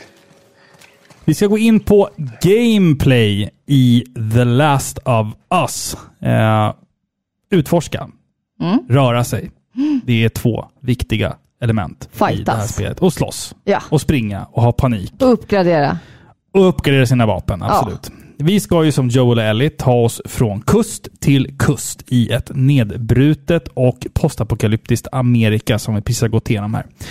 Det är en stor variation på allt ifrån korridorer med små avstickare till mindre, ganska öppna områden där man hela tiden måste vara på sin vakt för de här svampinfekterade monstren eller människorna som vill mörda dig med sina vapen för dina förnödenheter. Gameplay är ju som du sa väldigt linjärt. Det är rakt framåt, det är storydrivet. Eh, vi får utforska dessa som vi sa, eh, väldigt vackra och nedgångna miljöer i jakt på förnödenheter. Jag gillar att det liksom hela tiden känns som att man tar sig framåt och det händer så jävla mycket skit i det här spelet hela tiden. Delvis konversationerna då mellan Joel och Ellie. Eh, men också att man blir anfallen av, av monster. Eh, sen, faller det ner, sen faller man ner i någon jävla kloak och så hoppar man upp på en bro och sen så slänger man sig ner i havet och så... Alltså, spelet besitter egentligen två olika spellägen. Det är att gå, utforska, hoppa, klättra, simma. Alltså rent rörelsebaserade grejer. Eller strid. Men att bara liksom knata runt bjuder ju samtidigt på mycket variation. Bara, bara som när Ellie säger att hon inte kan simma. Och Joel letar rätt på en, på en pall som flyter och sen ska han liksom boxera henne över till andra sidan. Lite pussellösning. Det är lite pussellösning också. Det är lite så klassisk Naughty Dog pussellösning med stegar man Det ska flytta gillar på. vi. Älskar det. Och spelet är Man alltid... känner sig smart. Man känner sig smart när man löser de här pusslarna som en treåring skulle klara. Men spelet är liksom jävligt snyggt i alla de här situationerna och liksom hela fysiken i det här spelet känns aldrig svajig. Jag tänker på det här momentet när man, som, som jag sa, när man ska skjutsa Ellie över vattnet på pallen. Det finns så mycket buggar som skulle kunna uppstå. Ja, oh ja. Eh, Men det ser alltid naturligt ut. Och liksom så här fysiken, jag vet inte vad det är för fysikmotor man har haft liksom, när man har skapat det här spelet, men det, det är liksom... Det, det blir aldrig pajigt. Det Nej. ser alltid bra ut. Det är Jag- inget Bethesda-spel där de Nej, snurrar upp i luften och försvinner iväg fem kilometer. Bethesda skulle aldrig kunna göra en sån här scen. Skulle aldrig klara av det. Den skulle aldrig klara av det. Nej, men de gör för stora spel. Men det är samma sak med de här liksom helt hysteriska scenerna. När det liksom händer en miljard saker samtidigt. Naughty Dog, alltså, de vet exakt hur man gör det här. De vet exakt hur de gör. Eh, Ja, men jag älskar det. Det är en bra balans också mellan det här utforskandet Mm. eh, och i de här eh, intensiva actionscenerna. Mm. Och det tycker jag ändå om, att actionscenerna, de känns... Det är aldrig för mycket action Nej. Eh, med fokus på action. Det är inte Resident Evil 6, Mm. förstår du, med explosioner och hit och dit och du slungas från ena punkten till den andra. Woho! Men Resident Utan- Resident Evil 6 ska, man aldrig ha som referensmaterial till Nej, någonting. någonsin. Någonsin Nej, mer. Precis. Utan även i... Alltså det är alltid läskigt. Ja, det är alltid jätteläskigt och det är obehagligt. alltid fruktansvärt Fast det läskigt. här också, det beror lite på hur du väljer att spela. Du kan Ja. ju smyga och stealth-döda dina fiender. Precis. Gör du det, då är det ett läskigt spel. Mm. Går du bara in och skjuter Mm. på allting Nej, som, nej. som rör sig, det är fortfarande läskigt, men det blir, då, då blir det mer ett actionspel. Alltså, Ja. Du kan välja själv hur du vill att din upplevelse ska vara. Liksom. Absolut, men jag upplever... Alltså du och jag spelar ju på två helt olika sätt. Jag är ju mer för att Jag smyga. spelar och du tittar på. är det det du menar? Vi spelar på två väldigt olika sätt, för du spelar inte ens. Precis, jag sitter bekvämt i soffan. Ja, och nej. jag spelar. Jag Ja. vågar inte spela. Jag tycker det är så läskigt. Mm. Jag sitter och blundar. Ja, det gör typ. du. Ja. Mm. Jag ska säga så här. Det här avsnittet handlar om The Last of Us 1, Mm. men The Last of Us 2, då skrek jag. Jag skriker. Ja. Ja, för det är läskigt. Ja, du, du, hopp, Det är du, hoppat till, du, du hoppade till två ställen. Många gånger. Riktigt ja, ordentligt många också. Ja. Nej, men jag, jag, jag tycker om Mm. att man kan variera sin spelstil. ja. Det är det jag tycker om att göra. När jag spelar sådana här spel, nu spelar inte jag så. när, du, när du tittar på på sådana här spel. När Ja. jag spelar liknande spel då, kan vi säga. Det gör du ju Ja, aldrig. men, tredje persons actionspel där du Ja. måste slåss mot fiender. Ja. Herregud, kan jag få säga så du får då? inte involvera monster av Men något, av något men jo. slag, för då spelar du inte spelet. Men okej, jag kan bara ta ett exempel då. Ja. När jag spelar Horizon då. Ja. Men Då du slåss ju mot mycket. robotar. Ja, men vem bryr sig vad jag slåss mot? Men det är, det är Nej, men- en grej. Lyssna Ja. nu. Mm. Jag gillar att smyga. Jag Förstår vet. du? Jag gillar att smyga för det känns säkert. Jag känner mig trygg Och när jag långsamt. sitter. Och långsamt. Ja. Och jättelångsamt. Ja, du spelar så otroligt långsamt ibland. Jag är så här rädd liksom Ja. hela tiden. Ja, så kör jag. Och jag uppskattar att man kan göra det. Sen kan man ju köra en Robin och bara, nej, Robin är den nya Leroy Jenkins. Nej, men... Jo, som bara spring, bara kutar in i ett rum, gör av med all ammo och jag sitter och bara liksom hyperventilerar. Nej, alltså, det, det, det är därför jag blundar det Robin. börjar ju oftast bra. För jag klarar inte av att se. Jag, jag kommer till ett rum fullt med, fullt med stalkers. Då går det bra att stealthmörda de två första. Och Och sen, blir- liksom sen, och sen, får jag, sen får jag feeling och då går det åt Ja, helvete jag vet. snabbt. Och jag försöker liksom så här hålla dig tillbaka bara, du kan ta alla i stealth. Ja. Du kan det. Vi måste spara ammo. Vi har bara fem skott och du bara, fuck this! Leroy Jenkins! Och bara kutar in i rummet. Så Ja. kör du. Ja, det är kanske jag. därför jag håller för ögonen. Jag vet inte. Nej men okej. Jag tänkte på det, alltså varför att återgå till det du sa. Du, du spelar fan aldrig tredjepersons actionspel där du möter monster. Du måste möta människor eller robotar. Är det monster, då spelar inte du. Jag är väldigt rädd om mig. Dead är Space är väldigt- också ett sånt nej, exempel. Det där, nej. Filippa leaves the room. Men det är så, så fort du möter monster, då vill du inte spela med. Nej, det är, alltså jag är så Evil harig. Within, samma sak. Ja, men, du kan ju inte nämna liksom, de värsta spelen. Nej, de är inte värsta. Men jag är, det, det är hemskt. Ja, du är harig. Jag är väldigt harig. Jag Mm. önskar att jag inte var det. Jag tittar på så mycket skräckfilm och jag, jag kan kolla på allt. Mm. Men att sitta och spela, alltså jag lever mig in i det Mm. så mycket. Jag spelar ju det här äh, Bendy, Bendy and Ink Machine med Dante som typ är ett barnspel liksom. Mm. Och tyckte det var läskigt. Ja. Men jag blir så stressad. Du vet, vi har ju pratat om hur svettiga kontrollerna är efter att jag har hållit i dem. Ja, de är så riktigt flotta efter Ja, men de är hållit blö- dem. det rinner ju om Ja, det är så liksom. droppar Ja. liksom. Nej, Ja. men det, det är konsensus. Alltså, det här spelet är ju lite vad du väljer att det ska vara. Eh, vill du smyga, köra mycket stealth och sånt, så går ju det. Vill du istället vara ganska aggressiv, konfrontativ, så går ju det också. Jag skulle säga att det blir nästan svårare att vara konfrontativ och bara börja skjuta och liksom Absolut. springa. För det, det känns som att spelet är liksom gjort för att du ska kunna göra båda. Ja, men, det, uppmanar dig många gånger till att du ska smyga. Ja, absolut. Mm. Men det uppmanar dig också många gånger till att skjuta. Och kasta molotovs. liksom, och sånt. Ja, men ibland måste man ju bara göra Ja. det. Liksom. Ja. Men alltså, apropå fienderna. Man har gjort en smart grej här. Du har ju som vi sa, eh, de här infekterade då. Och du kan ju också möta människor. Alltså i postapokalypsens värld så är det ju alltid frågan, vad ska man vara mest rädd för? Är det zombiesarna, eller monsterna, eller människan som är kvar? Alltså som slåss för att överleva.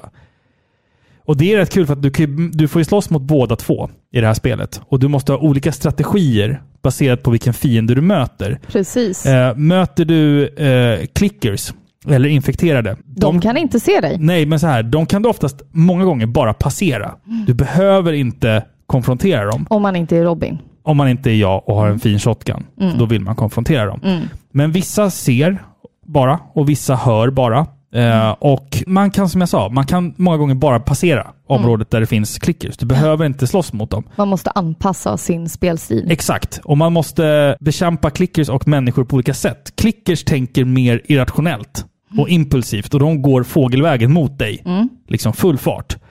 Och de kan du många gånger lura bort. Lura bort med, med eh, Föremål, Ja. tegelstenar eller glasflaggor. skapa ljud någon, någonstans längre bort. Medan människor som du möter är mer taktiska. Och de attackerar dig i grupp. De försöker ofta stänga in dig någonstans i ett hörn. Och de kan varna sina kompisar. Ja, de kan kommunicera. Och liksom, du tvingas liksom ställa om ganska snabbt ibland. Att Mm. du kommer in i ett rum fullt med infekterade. Och då måste du tänka så här, okej, hur ska det här gå? Okej, men jag Mm. smyger förbi de här, jag måste göra så så så. Sen kommer du ut på gatan, där möter du tio stycken raiders. Mm. Människor alltså. Mm. Och då måste du ställa om ditt tankesätt snabbt. Okej, de kommer kommunicera med varandra. Det är bäst att ta den här vägen.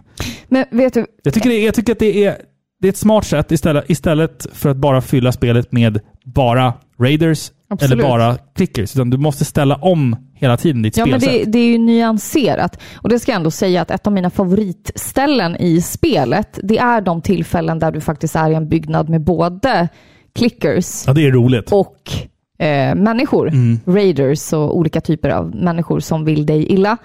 Sitter du då bakom eh, ett föremål, typ en, eh, en låda av något slag eller ett bord eller en- gömmer dig bakom en vägg och du ser de här två målgrupperna, Mm. då kan du vara smart och så kan du få dem att ta ut varandra. Pit them against each other. Ja, exakt. Och det, det- är så, alltså det är tillfredsställande för då sitter du där bak, Mm. eh, liksom skyddad och ser händelserna spela ut sig. Liksom. Men alltså, det, det, just det som du säger här. Det, det finns ingen sån scen i originalspelet. Det finns, det finns sådana scener i DLC som vi spelade till. eh, Left Behind. Där kan du pit them against each other. I originalspelet, grundspelet, The Last of Us, så finns det ingen, inget ställe där du möter både och samtidigt. Okej, så det här är alltså skillnaden.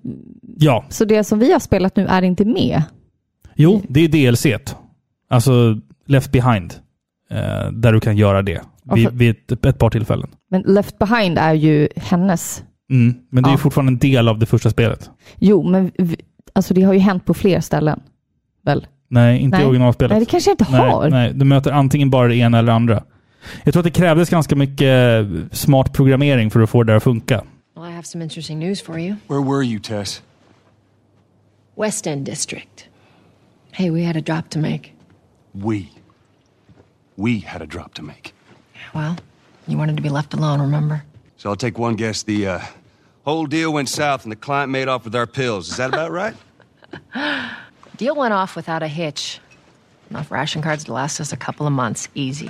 En annan sak som är viktigt när det kommer till gameplay och hur man spelar det här spelet, det är att man ska och kan uppgradera sina vapen Och hitta vapen. och hitta vapen. Mm. Allt det här, det här går ihop i varandra. Det är så viktigt i utforskandet för du kommer verkligen gå och länsa varenda låda och varenda vrå du stöter på. Jävlar vad man letar. efter skruvar. Och det är också kul att spelet har lagt in små, eh, jag vet inte om det finns en trophy för det, det, det finns det säkert. Eh, du hittar små eh, serietidningar. Och Firefly-medaljer. hals- Halsband. ja, Ja. Precis. Eh, men det är framförallt de här förnödenheterna som du behöver ha. Till synes obetydliga saker. Skruvar, tejp, Mm. eh, saxar, typ dukar.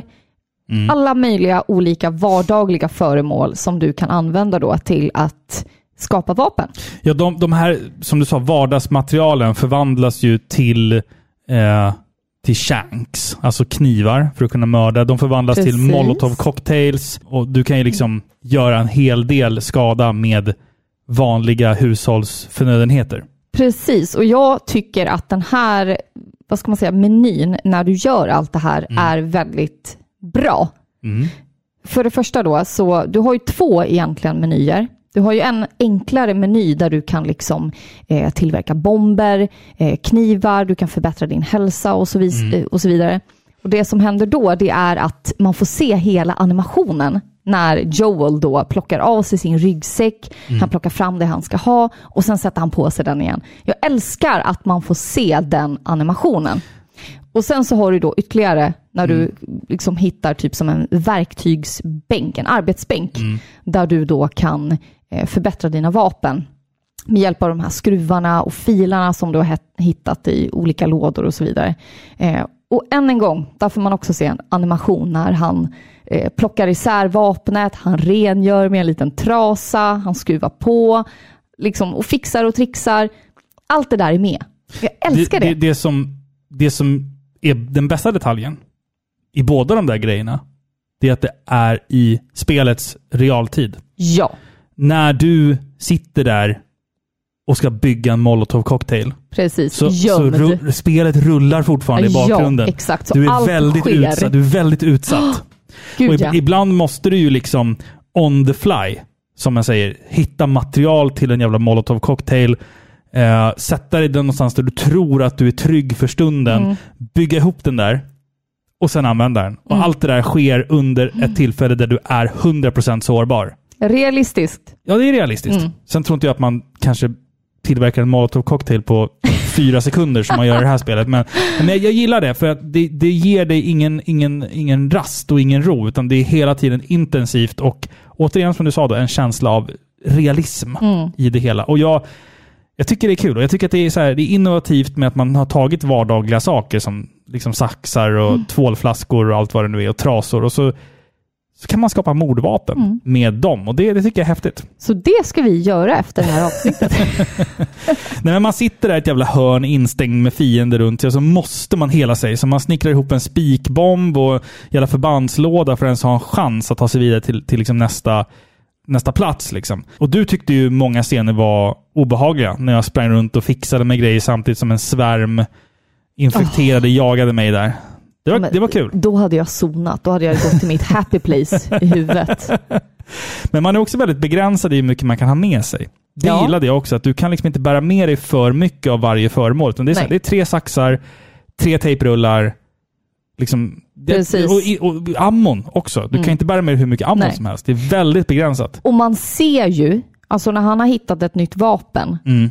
Då hänger den med där på axeln. Den hänger på ryggen. Ja, det är inte som en, ett stort svart hål. Liksom, att hans Nej. väska är ett stort svart hål där allt bara så får plats. Mm. Liksom, utan det är väldigt realistiskt tänkt på det sättet. Och det gillar jag. Och spelet är väldigt så, eh, det kan vara väldigt scarce som du sa, alltså väldigt få. Mm. Det är inte så generöst med förnödenheter. Men det är ofta väldigt planerat på det sättet att den ger dig precis så att du klarar dig. Ja, exakt. Mm. Det, det som jag tyckte var kul med det här, alltså jag har spelat det här spelet kanske tio gånger Mm. ungefär. Nu på den tionde genomspelningen så vart jag till slut en jävla master på pilbågen. Som, som är, det, det är det bästa vapnet i hela Ja, men det spelet. är det. Det är klart det bästa vapnet. Eller hur? Alltså jag har alltid sett det som ett, som ett ganska svagt vapen. Liksom. Men nu när jag liksom har blivit riktigt jävla bra på det, så är det så här, ingen, ingenting såg mig. I, ingen såg Joel genom hans resa genom Nej, USA. nej. För pilen, Den är pils, pilspetsen kom före Joel. Ja, ja. Här, ingen såg mig. Ingen hann se mig. Under hela jävla genomspelningen. Allt bara dog framför mig.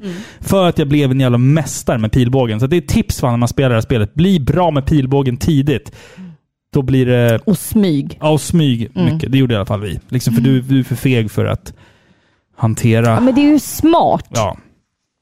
Jag tycker gameplay i det här spelet är fantastiskt. Alltså det är, det är en så stor variation på, eh, på sättet du, du måste hantera situationer. Och att du sen bara kastas in i ett lugn och bara får följa karaktärerna när de pratar med varandra. Och Mm. Du kan interagera med miljön och, Mm. och liksom... Jag tycker att gameplay är fantastiskt. För att det bjuder på så mycket. Absolut. Eh, och jag skulle ändå vilja påstå att det här utforskande elementet i, den här, i det här spelet är ett av de viktigaste. Mm. För att du hittar så många saker. Vi har ju pratat om miljöerna, att de påminner om liksom en dåtid som nu är svunnen Mm. och förlorad. Eh, men du hittar så många spår på andra sätt. Du hittar lappar, eh, ledtrådar, du hittar brev. Alltså, sorgliga liksom, memorabilia från eh, innan det hände. Ja. Förstår du? Det finns ett tillfälle när man är nere i kloakerna eh, och man ser spår av att här har folk försökt överleva. Och man vet att det har varit vuxna och barn. Så man ser liksom att barn har existerat på den här platsen. De har ritat med kritor på väggarna. Eh, de har försökt uppehålla fasaden av ett normalt liv, alltså till förmån för de här små barnens skull. Men när du är där så är det inte någon kvar. Så någonting har ju hänt. Och du hittar liksom, om du är duktig och utforskar så kommer du hitta små lappar som liksom pusslar ihop den här gåtan om vad som har hänt de här människorna. Och till sist så får du ju svaret. Och det är väldigt sorgligt och det är vemodigt och sen går du vidare. Men det där stället liksom hängde kvar med mig lite extra i hjärtat för det var så otroligt kraftfullt och sorgligt. För de här människorna kommer man ju aldrig träffa igen och man kommer aldrig prata om det där igen. Men just att de har ägnat hela det här området och ägnat de här människorna en extra tanke gjorde det så kraftfullt. Men det är som jag sa, det känns väldigt ofta som att man både är den första som hittar platsen, Mm. men också Den, den, sista. sista. Mm.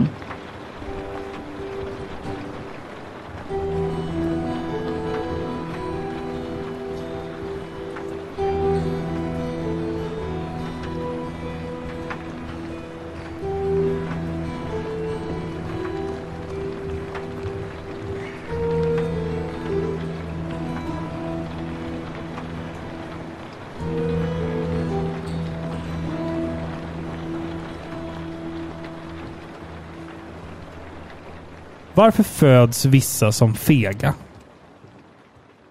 Ingen aning. Det är helt slumpmässigt. Nej. Nej, den var inte ens bra. Den var skitbra ju. Jag tyckte om den där. Jag tyckte den var jättebra. Ska vi gå in och prata lite om spelets hjärta, nämligen storyn. Vi ska väl försöka att hålla det spoilerfritt. Jag tror att vi kommer spoila första timmen av spelet. Men det har ni redan sett på HBO-serien och det, det är liksom en del av spelets framtida upplägg. Ska, alltså, om, om vi ska diskutera det här spelet så måste man diskutera den första timmen i spelet känner jag. Så att det, det blir liksom milda spoilers från och med nu. Så Okej. att, häng med nu. För mig så handlar The Last of Us om kärlek.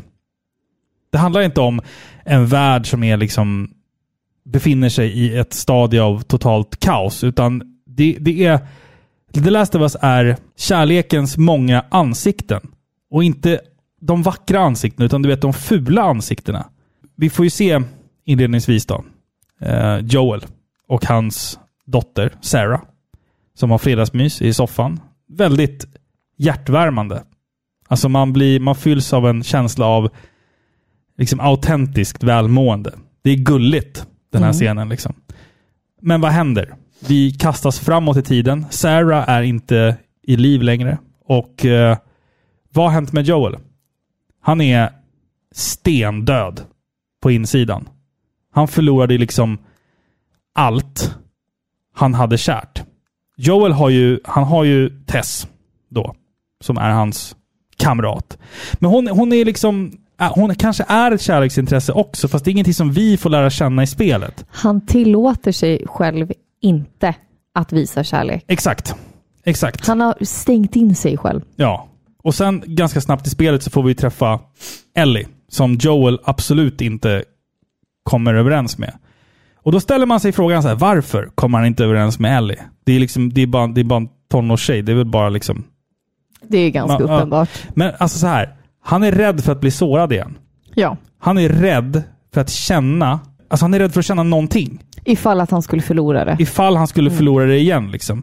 Och det här porträtteras på ett sånt otroligt vackert sätt under spelets gång. Mm. För att ju längre in i spelet så ser vi ju hur lager av Joel liksom skalas av. Det, det är som en, liksom en liten lök. Ja. Lager för lager så märker vi att han börjar mjukna Mm. Och öppna upp sig och vågar visa sig sårbar. Ja, för både Joel och Ellie har ju båda förlorat väldigt mycket. De har förlorat sina- allt. De har förlorat allt, båda två. Men de hanterar det här på två olika sätt. Ellie hon är väldigt sprudlande, men hon har ändå en fasad av att vara den här tuffa tjejen. Hon svär hela tiden. Och hon vill oftast prata om saker som hon hon har varit med pratar om. hela tiden. Hon Mm. vill lösa saker och man märker ändå mellan de här äh, väldigt äh, kaxiga kommentarerna och den här attityden att hon är faktiskt bara ett barn. Mm. hon är sårbar och hon försöker egentligen bara hitta sin plats. Hon har inte valt någonting av det som har hänt henne och ändå har det gått så fel. Alla har övergivit henne eller lämnat henne eller dött. Hon vill egentligen bara hitta en tillhörighet och få vara en vanlig tjej. Medan Joel, han har också förlorat allt, men han har löst det genom att stänga ute allihopa för att inte riskera att bli sårad igen. Så ja, det är en saga om kärlek, men också bara liksom mänskligheten. Den här handlingen har så många lager. Det handlar om mänskligheten, det handlar om överlevnad, hur vi människor agerar under press, stress, i kaotiska situationer. Och jag tycker att de har skildrat, de har skildrat det på ett sånt realistiskt sätt.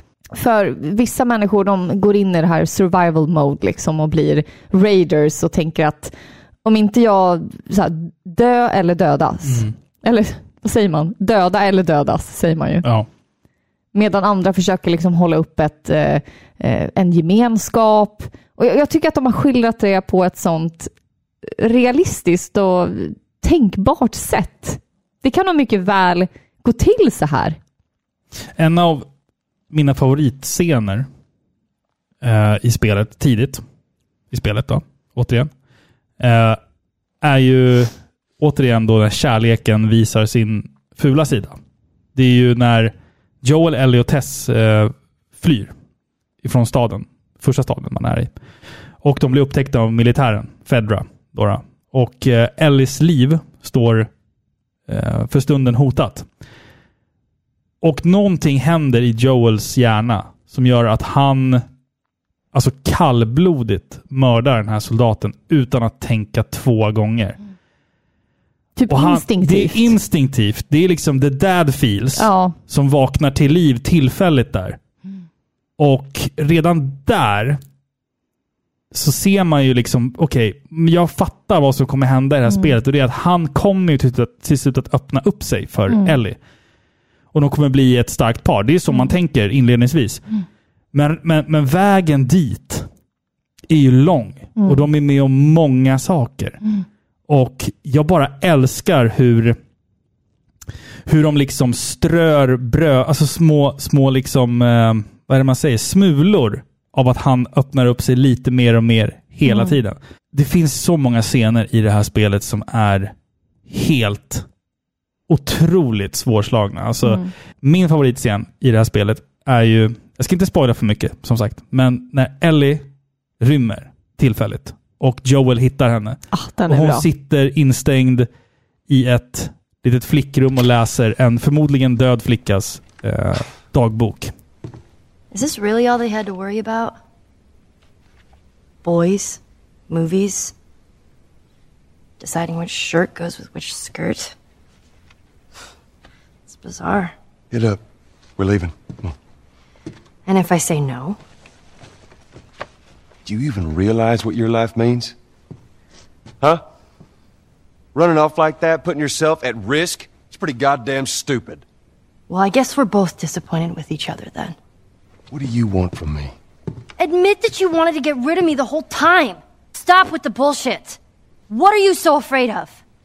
Man får se så många sidor av de här karaktärerna och det är så mycket man bara kan tolka in genom att se deras ansiktsuttryck. Magi. Jag älskar hur deras relation är. För den visas så tydligt i just den scenen. Det är också en av mina favoriter. Hon har ju sprungit iväg. Han är skitförbannad på henne För att hon har rymt ja. för att hon har rymt. Han kommer in i rummet. Hon tittar inte ens på honom, utan hon inleder med att säga liksom att är det här eh, verkligen vad människor oroade sig för förr i tiden? Ja, exakt. Hon säger inte ens "Låt- förlåt för att jag gjorde det här eller ursäkta att jag sprang iväg. Nej, deras kommunikation den är rak Mm. och ärlig. Och under den scenen så blir ju de arga på varandra sen då när, de liksom, när det brister för dem båda.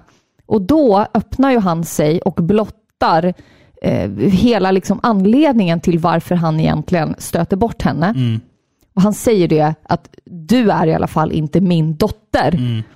Hon har aldrig påstått det. Hon har ju aldrig sagt någonting som kan påminna om det. Nej, jag vet. Jag vet Men han säger, du är i alla fall inte min dotter. Mm. Och då blir det så uppenbart att anledningen till att han stöter bort henne är, Det för är att därför ja. ja. hon påminner om hans dotter som Nej, för han förlorade. Det är och så det är så alltså. starkt! Det är så bra. Det är så bra. starkt! Oj, oj, oj! Så många gånger som du bara sa till mig, This is a game. This is a video game. What This the is fuck is video going on? game. Ja, det nej, det är så sjukt. Det är så sjukt bra. Oj, förlåt. Ja. Ska inte väcka barnen. Nej. Men det är så, så bra. Ja, nej, men Joel och Ellie är ju och förblir ju en otroligt stark duo. Jag vill inte prata så mycket mer om handlingen. Det finns, det finns många lager av den. Mm. Men kort och gott så är den ju liksom helt jävla fantastisk alltså. Ni som vet, ni vet. Ni som vet, och ni som inte ni vet, vet. vi hoppas att ni blir äggade och sporrade till att prova på det här Ja. fantastiska spelet. Ja, verkligen alltså.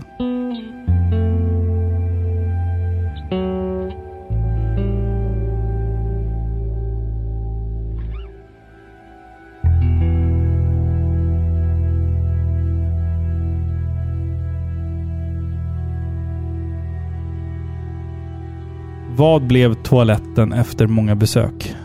Jag är så jävla dålig. Nej, jag vet inte. Överrumplad. Nej. No! God, please, Så jävla tråkigt Ja, alltså. det var tråkigt. Som sagt, spelets handling är ju betydligt djupare. Och vi vill inte spoila för mycket, för vi vill att du som ska spela spelet ska få en fantastisk upplevelse. Och du som har spelat spelet, du vet precis vad vi pratar om. När vi säger att det är en lång resa och det är mycket som händer. Och jag älskar slutet på spelet. Att det, att det slutar på det sättet det gör. Jag hade egentligen aldrig behövt en uppföljare på det här Nej. kan jag säga. Jag är glad att jag fick en. Men det hade kunnat slutat med den scenen. Mm. För den är så perfekt. För att den lämnar dig... Jag vet inte vad den lämnar dig med riktigt, men det är någonting som känns att det, det, ska, Kanske det, hopp? det skaver någonstans. Och jag älskar det. Ja. Jag älskar det slutet så himla mycket. Och det här, The Last of Us, är ju... Alltså, om man inte redan har förstått det vid det här laget. För mig personligen, ett av de absolut bästa tv-spelen någonsin. Topp 10 på min lista, kan jag säga. Utan tvekan. Topp 10. Eh, Det är ett fantastiskt spel som bjuder på eh, både liksom intensiv, eh, spännande och, och härlig gameplay blandat då med bara den här upplevelsen och att man får känna, lära känna de här två karaktärerna och ta del av deras äventyr. Det är, det är någonting mer än bara ett spel. Det är som jag säger om Shadow of the Colossus. Det är, det är en upplevelse, det här spelet. Och det är så många som, som liksom ser den här serien på HBO och liksom säger ja det är baserat på tv-spel. Men what about the show? Alltså så här, alltså helt ärligt. Alla ni som tycker tv-serien är hur bra som helst, spela spelet. För det- tv-spelet går in... Tv-spelet är djupare. Oh ja. Mycket djupare Oh, ja. än Men Robin, serien. Ja. helt ärligt. Blir du lite gatekeeper? Eh, li, ja, jo, men lite, lite så är det Ja. faktiskt. För jag, jag stör ihjäl mig på när jag ser intervjuer med eh, Pedro Pascal som spelar Joel i HBO-serien. Och då är det liksom lite så här att ah, it's based on a video game. Och så säger de ingenting mer. Det är Nej. så här, alltså spelet är ju liksom... Ja, men det är hundra det är gånger så bättre. mycket mer. Oh ja, det, är så oh mycket ja. mer. det är så mycket mer än HBO-serien. Och alla hyllar den här jävla serien. Mm. Och jag blir så här. Jag har hyllat det här spelet i, liksom sedan 2013 och sagt så här. It's one of the best experiences of your fucking life. Mm. Om du sätter dig och spelar det här spelet. Du har allt. Men Mm. folk är rädda för att man ska behöva styra och det är krångligt med såna här moderna handkontroller. Fuck that alltså. Jag blir Ja. lite gatekeeper, det blir jag faktiskt. Ja, men ärligt. lite får man vara. Ja. Lite får man vara. Ja, men det här spelet är ju en fantastisk upplevelse på så många olika sätt. Det här spelet kommer få dig att gråta Oh ja. vid fler än ett tillfälle faktiskt. Mhm, Många gånger. mm, mm. Ja, men det är underbart det här spelet. Jag, jag älskar miljöerna. Alltså, man märker så tidigt att det är så omsorgsfullt planerat och genomfört. Allt ifrån miljöer till strider, till hur du uppgraderar vapen, till hur karaktärerna rör sig. Det är så många detaljer som visar på att skaparna verkligen brydde sig om det här spelet. Det finns inte en enda yta i spelet som har lämnats orörd deras kärlek syns överallt. Verkligen. Men det stora hjärtat i den här det här underbara spelet är ju såklart handlingen och karaktärerna och det hade inte varit någonting utan Joel och Ellie som är eh, helt fenomenala. Jag vet inte vad jag ska säga. Det är bara helt fenomenalt. Spela spelet. Eller backseata.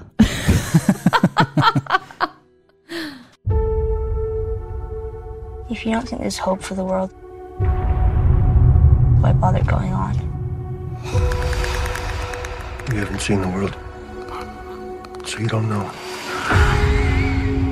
You keep going for family. I'm not family. No. You're cargo. Ska vi prata lite snabbt om HBOs tv-serie då? Mm. The Last of Us. I regi av Craig Mason, som ligger bakom bland annat Chernobyl. Eh, men också Neil Druckmann som är en av Ja. spelets skapare. Spelens skapare, ska man säga. Mycket bra att han är med. Eh, vi har Pedro Pascal som eh, Joel. Mm. Och som vi, spelar i The Mandalorian, Ja, precis. som- precis. huvudpersonen, och även i Game of Thrones. Ja, och där ha- hade vi, hittade vi också Bella Ramsey Ja. som spelar Ellie. Då då. House Mormont, eller vad heter de? Nej, ja, vad fan hette de? Det var björnarna. The, the, the Small Bear var Ja, men det är ju någonting ja. på M. Mormont. eller Ja, jag kommer inte ihåg. Det var länge sedan jag såg Game of Thrones. Mormon. Jag har förträngt Game of Thrones för att jag, jag är besviken på slutet. Jag är det. Alltså det, det kunde, det, men alltså så här, det var omöjligt att leverera ett bra slut. Det var omöjligt. Du gör en Joel och stänger in dig själv för att Jag inte bli sårad igen. själv. Alltså kort om, om eh, HBO-serien. Det är ju utan tvekan den bästa adaptionen av ett spel till tv-format någonsin. Oh ja. Det, det, det råder ingen tvekan Nej. om det. Eh, det. Det är ingen som kommer kunna säga att det här var ju bättre än The Last of Us. För att det här, det här är, det är en perfekt adaption. Och Mm. anledningen till det, det är att man nästan har tagit spelet, nästan, Ja. scen för scen. Scen för scen. Replik efter replik. I många fall Ja, är det så. mm. Man märker ju det att vissa saker har man ju ändrat på. Det finns ju, man har ju lagt till liksom extra karaktärer för att liksom... Ja, men göra det mer filmvänligt Ja. och utöka. Det är självklart att alltså en serie kommer vara annorlunda från ett tv-spel. Mm. Ett tv-spel förutsätter ju att du ska ha någonting att göra. Ja, exakt. Du måste spendera flera timmar med att bara döda zombies. Mm. Det, det kan inte vara en serie som bara visar det. Nej, exakt. Det måste hända en massa andra saker. Och man, man, man har lagt till karaktärer för att liksom etablera andra karaktärer. Jag tänker framförallt då på scenerna som utspelar sig i... Henry? De, de, ja, precis. Henry och hans bror. De, de, de scenerna utspelar sig i Pittsburgh i spelet, men i, i tv-serien så är de... Vart fan är de då? Det är någon annan stad. Det är inte Pittsburgh i alla fall. Kansas? Kansas, ja. Precis. Man har bytt ut, man har gjort sådana så små förändringar bara. Och Kathleen, som då är liksom en ny karaktär, eh, som, eh, som liksom finns där bara för att etablera Henrys roll i Ja, spelet, eller i, i tv-serien på ett annat sätt. Och jag förstår att man det här är ju lite en chans också för typ Neil Druckmann då, som har gjort spelet, att ändra små saker. Så här, Mm. Okej, om jag fick ändra någonting i The Last of Us, vad skulle jag göra då? Ja. Och det här är liksom hans andra chans att förmedla berättelsen. Liksom. Precis, det kanske var tänkt att en Catherine skulle vara med från början i spelet Mm. också. Kathleen tror jag den heter. Kathleen. Kathleen. Ja, skitsamma, Ja, jag, minns någonting. inte. jag minns inte. Den här rebellledaren. Liksom. Ja. Det är mycket möjligt att det var tänkt att hon skulle vara med. Mm. Eh, och nu får han då chans att få med henne. Det vet man inte. Nej. Jag tycker i alla fall att de här tilläggen och små ändringarna faktiskt funkat bra. Mm. Vi har ju det här uh, numera uh, superkända avsnitt tre. Om Bill. där Bill och Frank Ja. framställs på ett helt annorlunda sätt än vad de gör i uh, spelet. Det hintas om det i spelet. Det, det? ja, alltså, det är ju ganska uppenbart Jo, jo, ändå. men, jo, jo, men De säger inte rätt ut. jag tycker det var en jättefin, eh, ett fantastiskt avsnitt. Och Fantastiskt. jordgubbsscenen fucking broke Ja. me up alltså. Det, Ja, men det var otroligt kraftfullt. Jättefint avsnitt. Och jag, jag, jag tycker att det är helt okej att göra sådana här ändringar. För att det ändrar inte spelets liksom, narrativ på något sätt. Eh, och, och jag tycker ändå att det överensstämmer med Bills persona.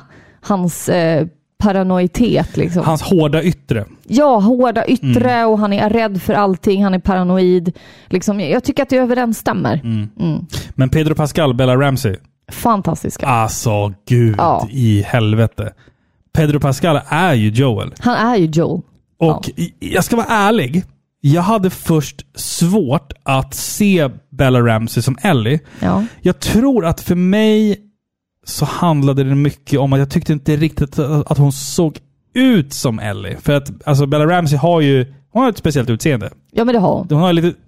Man ska inte, man ska inte liksom... På, Mm, på, mm, hon såg inte ut som Ellie i spelet. Nej. Eh, Pedro Pascal hade ju lättare, för han, han behövde bara se lite ruff ut. Liksom. Han, Mm. han har ju det där liksom, kara... Ja, kara precis. Men, men ju längre in i serien, alltså, fan vad jag älskar Bella Ramsey. Mm. Alltså typ framåt så här, avsnitt 6-7 i serien, då bara fuck, hon är ju precis som Ellie. Attityden, personligheten, men manierna, hela, hela blicken. humorn. Blicken ja. liksom. Alltså, Alltså- jag, blev, jag blev förälskad. Kan man, jag vet inte hur gammal hon är. Kan man säga att man blir förälskad i henne? Hon är 19. Okej, ja, då kan jag säga. Jag blev förälskad i henne. Framåt typ avsnitt 5-6 där någonstans. Mm. Då bara... ah, Hon, hon är ju så jävla bra. Ja, men Alltså. hon är en fantastisk skådespelare alltså. Ja, spe- Otroligt alltså, bra. Speciellt i avsnittet då som är baserat på The Last of Us DLC, då, Left Behind. Ja. Alltså där, fan ge, Riktigt ge bra. henne fyra Oscar för det. Och där hade de ändrat lite också. Små saker. Små saker, saker. liksom för att... De fick, eh, de fick med maskeradbutiken Ja. och allt det där viktiga tyckte jag. Liksom, jag, jag perfekt. Ja, jag tycker att eh, serien är 10 av 10 alltså. Ja, ja, ja, jag tycker gud, att den är skitbra. Men du, du sa en sak där också tidigare, det att det finns vissa saker som man inte kan göra. Alltså så att i spelet så finns det ju gameplay. Det kan du inte göra om till en tv-serie, för det skulle folk tröttna på. Mm. Men att man ändå lyckas behålla essensen av det. Mm. Den känslan. Men bara bygga resten av tv-serien på liksom action och drama. Mm. Jag tyckte de, de har lyckats så jävla bra med det här. Det är ingen annan som har gjort det så här bra. Och det är bara för att man har hållit sig så jävla nära spelets ursprungsmaterial. Jag har ett klagomål. Mhm. Och det är för att det är... Eh, alltså vissa av de här stora betydelsefulla scenerna Mm. eh, som vi vet är väldigt intensiva i spelet. Det händer väldigt mycket, det är mycket fiender, det är intensivt, man springer ifrån och, ha, och skjuter vilt omkring sig. De har porträtterats väldigt enkelt i serien och det tyckte inte jag om. Jag tyckte, ja, jag tyckte det fattades gore. Det fattas gore, det fattas Mm. zombies liksom. Eh, jag hade önskat att det var lite mer intensivt och det är inte för eh, våldets skull. Okej, lite för våldets skull, men... Utan det är, för, Filippa. det, är, det är i de scenerna som Joel och Ellies relation blir så stark Mm. i tv-spelet. Ja, exakt. Och jag exakt. fick inte riktigt den här känslan i, eh, i serien. Mm. Förstår du? För att i tv-spelet, då vet man vad de har gått igenom. De skriker repliker på varandra och det Mm. är så intensivt och de springer ifrån och hon liksom... Ja, du vet vilken scen jag Ja, menar. ja, liksom. visst, visst, visst. Det är så intensivt och man förstår varför de gör som de gör. Men sen i tv-serien så bara liksom föll det platt lite. Tycker jag. Alltså, jag alltså, det är fortfarande ja. bra. Det är fortfarande skitbra. Det är 9,5 av 10. Ja, ja alltså jag, jag säger till 10 av 10. Ja. Men i spelet så har spelet har ju mer tid på sig. Mm. Att, att, att bygga karaktärerna, karaktärernas relationer och sådär. Medan tv-serien har ju tv-serieformat. Du har liksom 45 minuter till, till en och en halv timme på dig att förmedla en stor portion av spelet. Nu sa du tvärtom. Men du menar att eh, tv-spelet har mer tid TV, på sig? ja, precis. Exakt, Ja. exakt. Det var det jag menade. Tv-spelet har ju mer tid på sig att bygga en grund Mm. och bygga relationen mellan Joe och Ellie. Tv-serien har ju ett tv-serieformat Mm. som, som man måste anpassa sig till. Men jag tycker att tv-serien lyckas väldigt, väldigt mycket och väldigt, Absolut. väldigt bra med att faktiskt eh, återskapa eh, den här fantastiska berättelsen som är The Last of Us. Sen tycker jag det är skitkul att man får säga att, att eh, det finns så otroligt mycket Easter eggs Oh, till ja. spelen. Alltså allt ifrån liksom, detaljerna som liksom, eh, serietidningen som hon läser till så här, cit- citat och vissa scener ur tv-serien är ju liksom copy-pastade Mm. med kameravinklar och allt Mm. ifrån spelen. Ja, men jag gillar Eh, det. Och vi, vi får ju även se både Ashley Johnson och Troy Baker i den här tv-serien. Ja, just Och jag tycker det. det är fantastiskt att man, att man liksom... Menar, man lät Neil Druckmann faktiskt få liksom fria händer ganska mycket i assistans då av eh, mannen bakom Tjernobyl. Mm. Liksom. Så det, det är fan match made in heaven alltså. Mm. Och Jag ser jättemycket fram emot säsong två. Eller gör jag det? Jag vet inte. Vi som vet, vi vet. Vi som vet, vi Åh! vet. Ja, vi vill inte spoila The Last of Us för mycket för er. Men som sagt, HBOs adoption var ju faktiskt smått eh, fantastisk. Briljant. Briljant. Mm.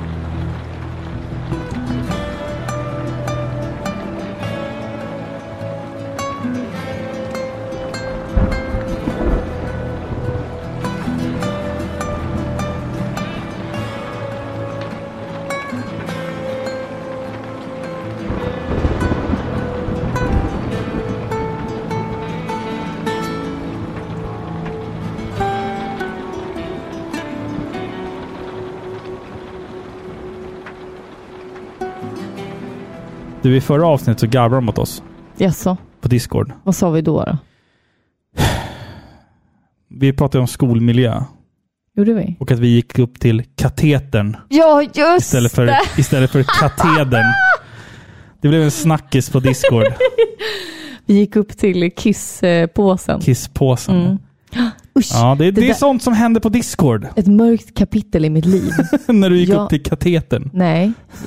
Kate... Ja. Katedern. Nej. Ja, nej. Katetern. Jaha. Mm. Jag har jobbat inom hemtjänst. Ja, just det. Du hade en snabb sväng i hemtjänsten. Ja, De är hjältar som jobbar i hemtjänsten, Ja. men det är ett jävla... det är ett jävla jobb. jobb. Ja, det var ett mörkt, mörkt kapitel i mitt liv. Ja. Fyllt av katetrar Och ångest. och ångest och depression. Och, och ryggklättrande avföring.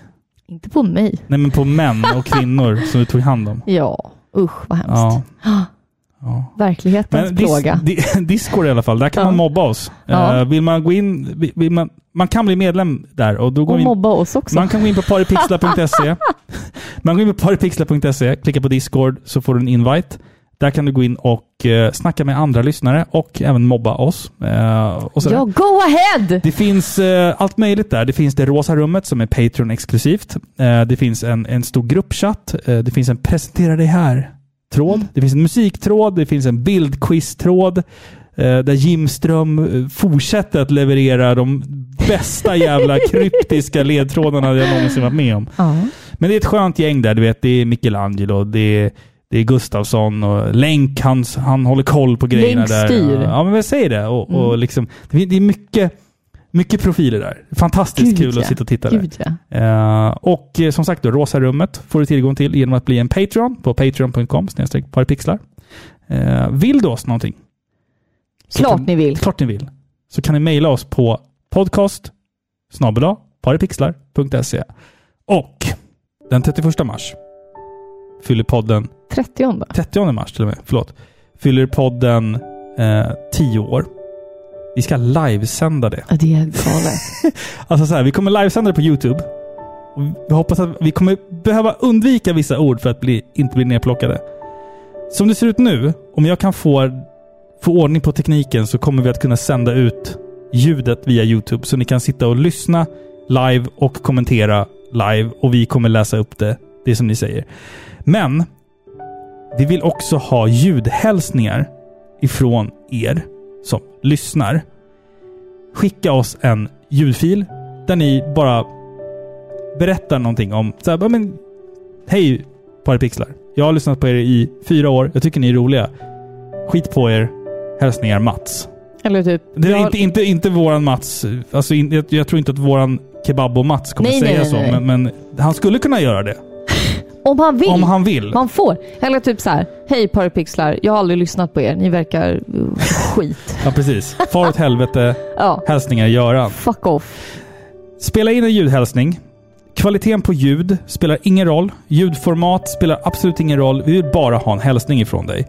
Eh, maila den till oss så kommer vi att spela upp den i 10-årsjubileet. Det, det kommer bli så himla kul för jag har, vi har fått in jättemånga redan. Åh, och det, det bli så kommer, kul! det kommer komma fler. Och Du har man- väl inte lyssnat på dem? jag har inte lyssnat på Nej, dem. Jag har inte tjuvlyssnat på dem. Eh, man kan också skicka mail om man vill att vi bara läser upp text istället. Det är, det är inte lika kul, men det är också acceptabelt. Ja, men självklart. Sen vet inte jag hur kvaliteten på min uppläsning kommer bli, för jag kommer säkert ha druckit lite. Men är Lite. den 30 en lördag? Det vet jag inte. Vi får väl se om vi kör den Du 30. vet Robin att vår son fyller år samma dag. Jag vet det. Mm. Jag vet. Det, det är ändå lite häftigt. Ja. Att vår podd är på dagen ett, Ett år äldre, ja. äldre. Vi, vi kan inte bo, Mars. vi, vi, ni får hålla koll på våra sociala medier. måste veta det här.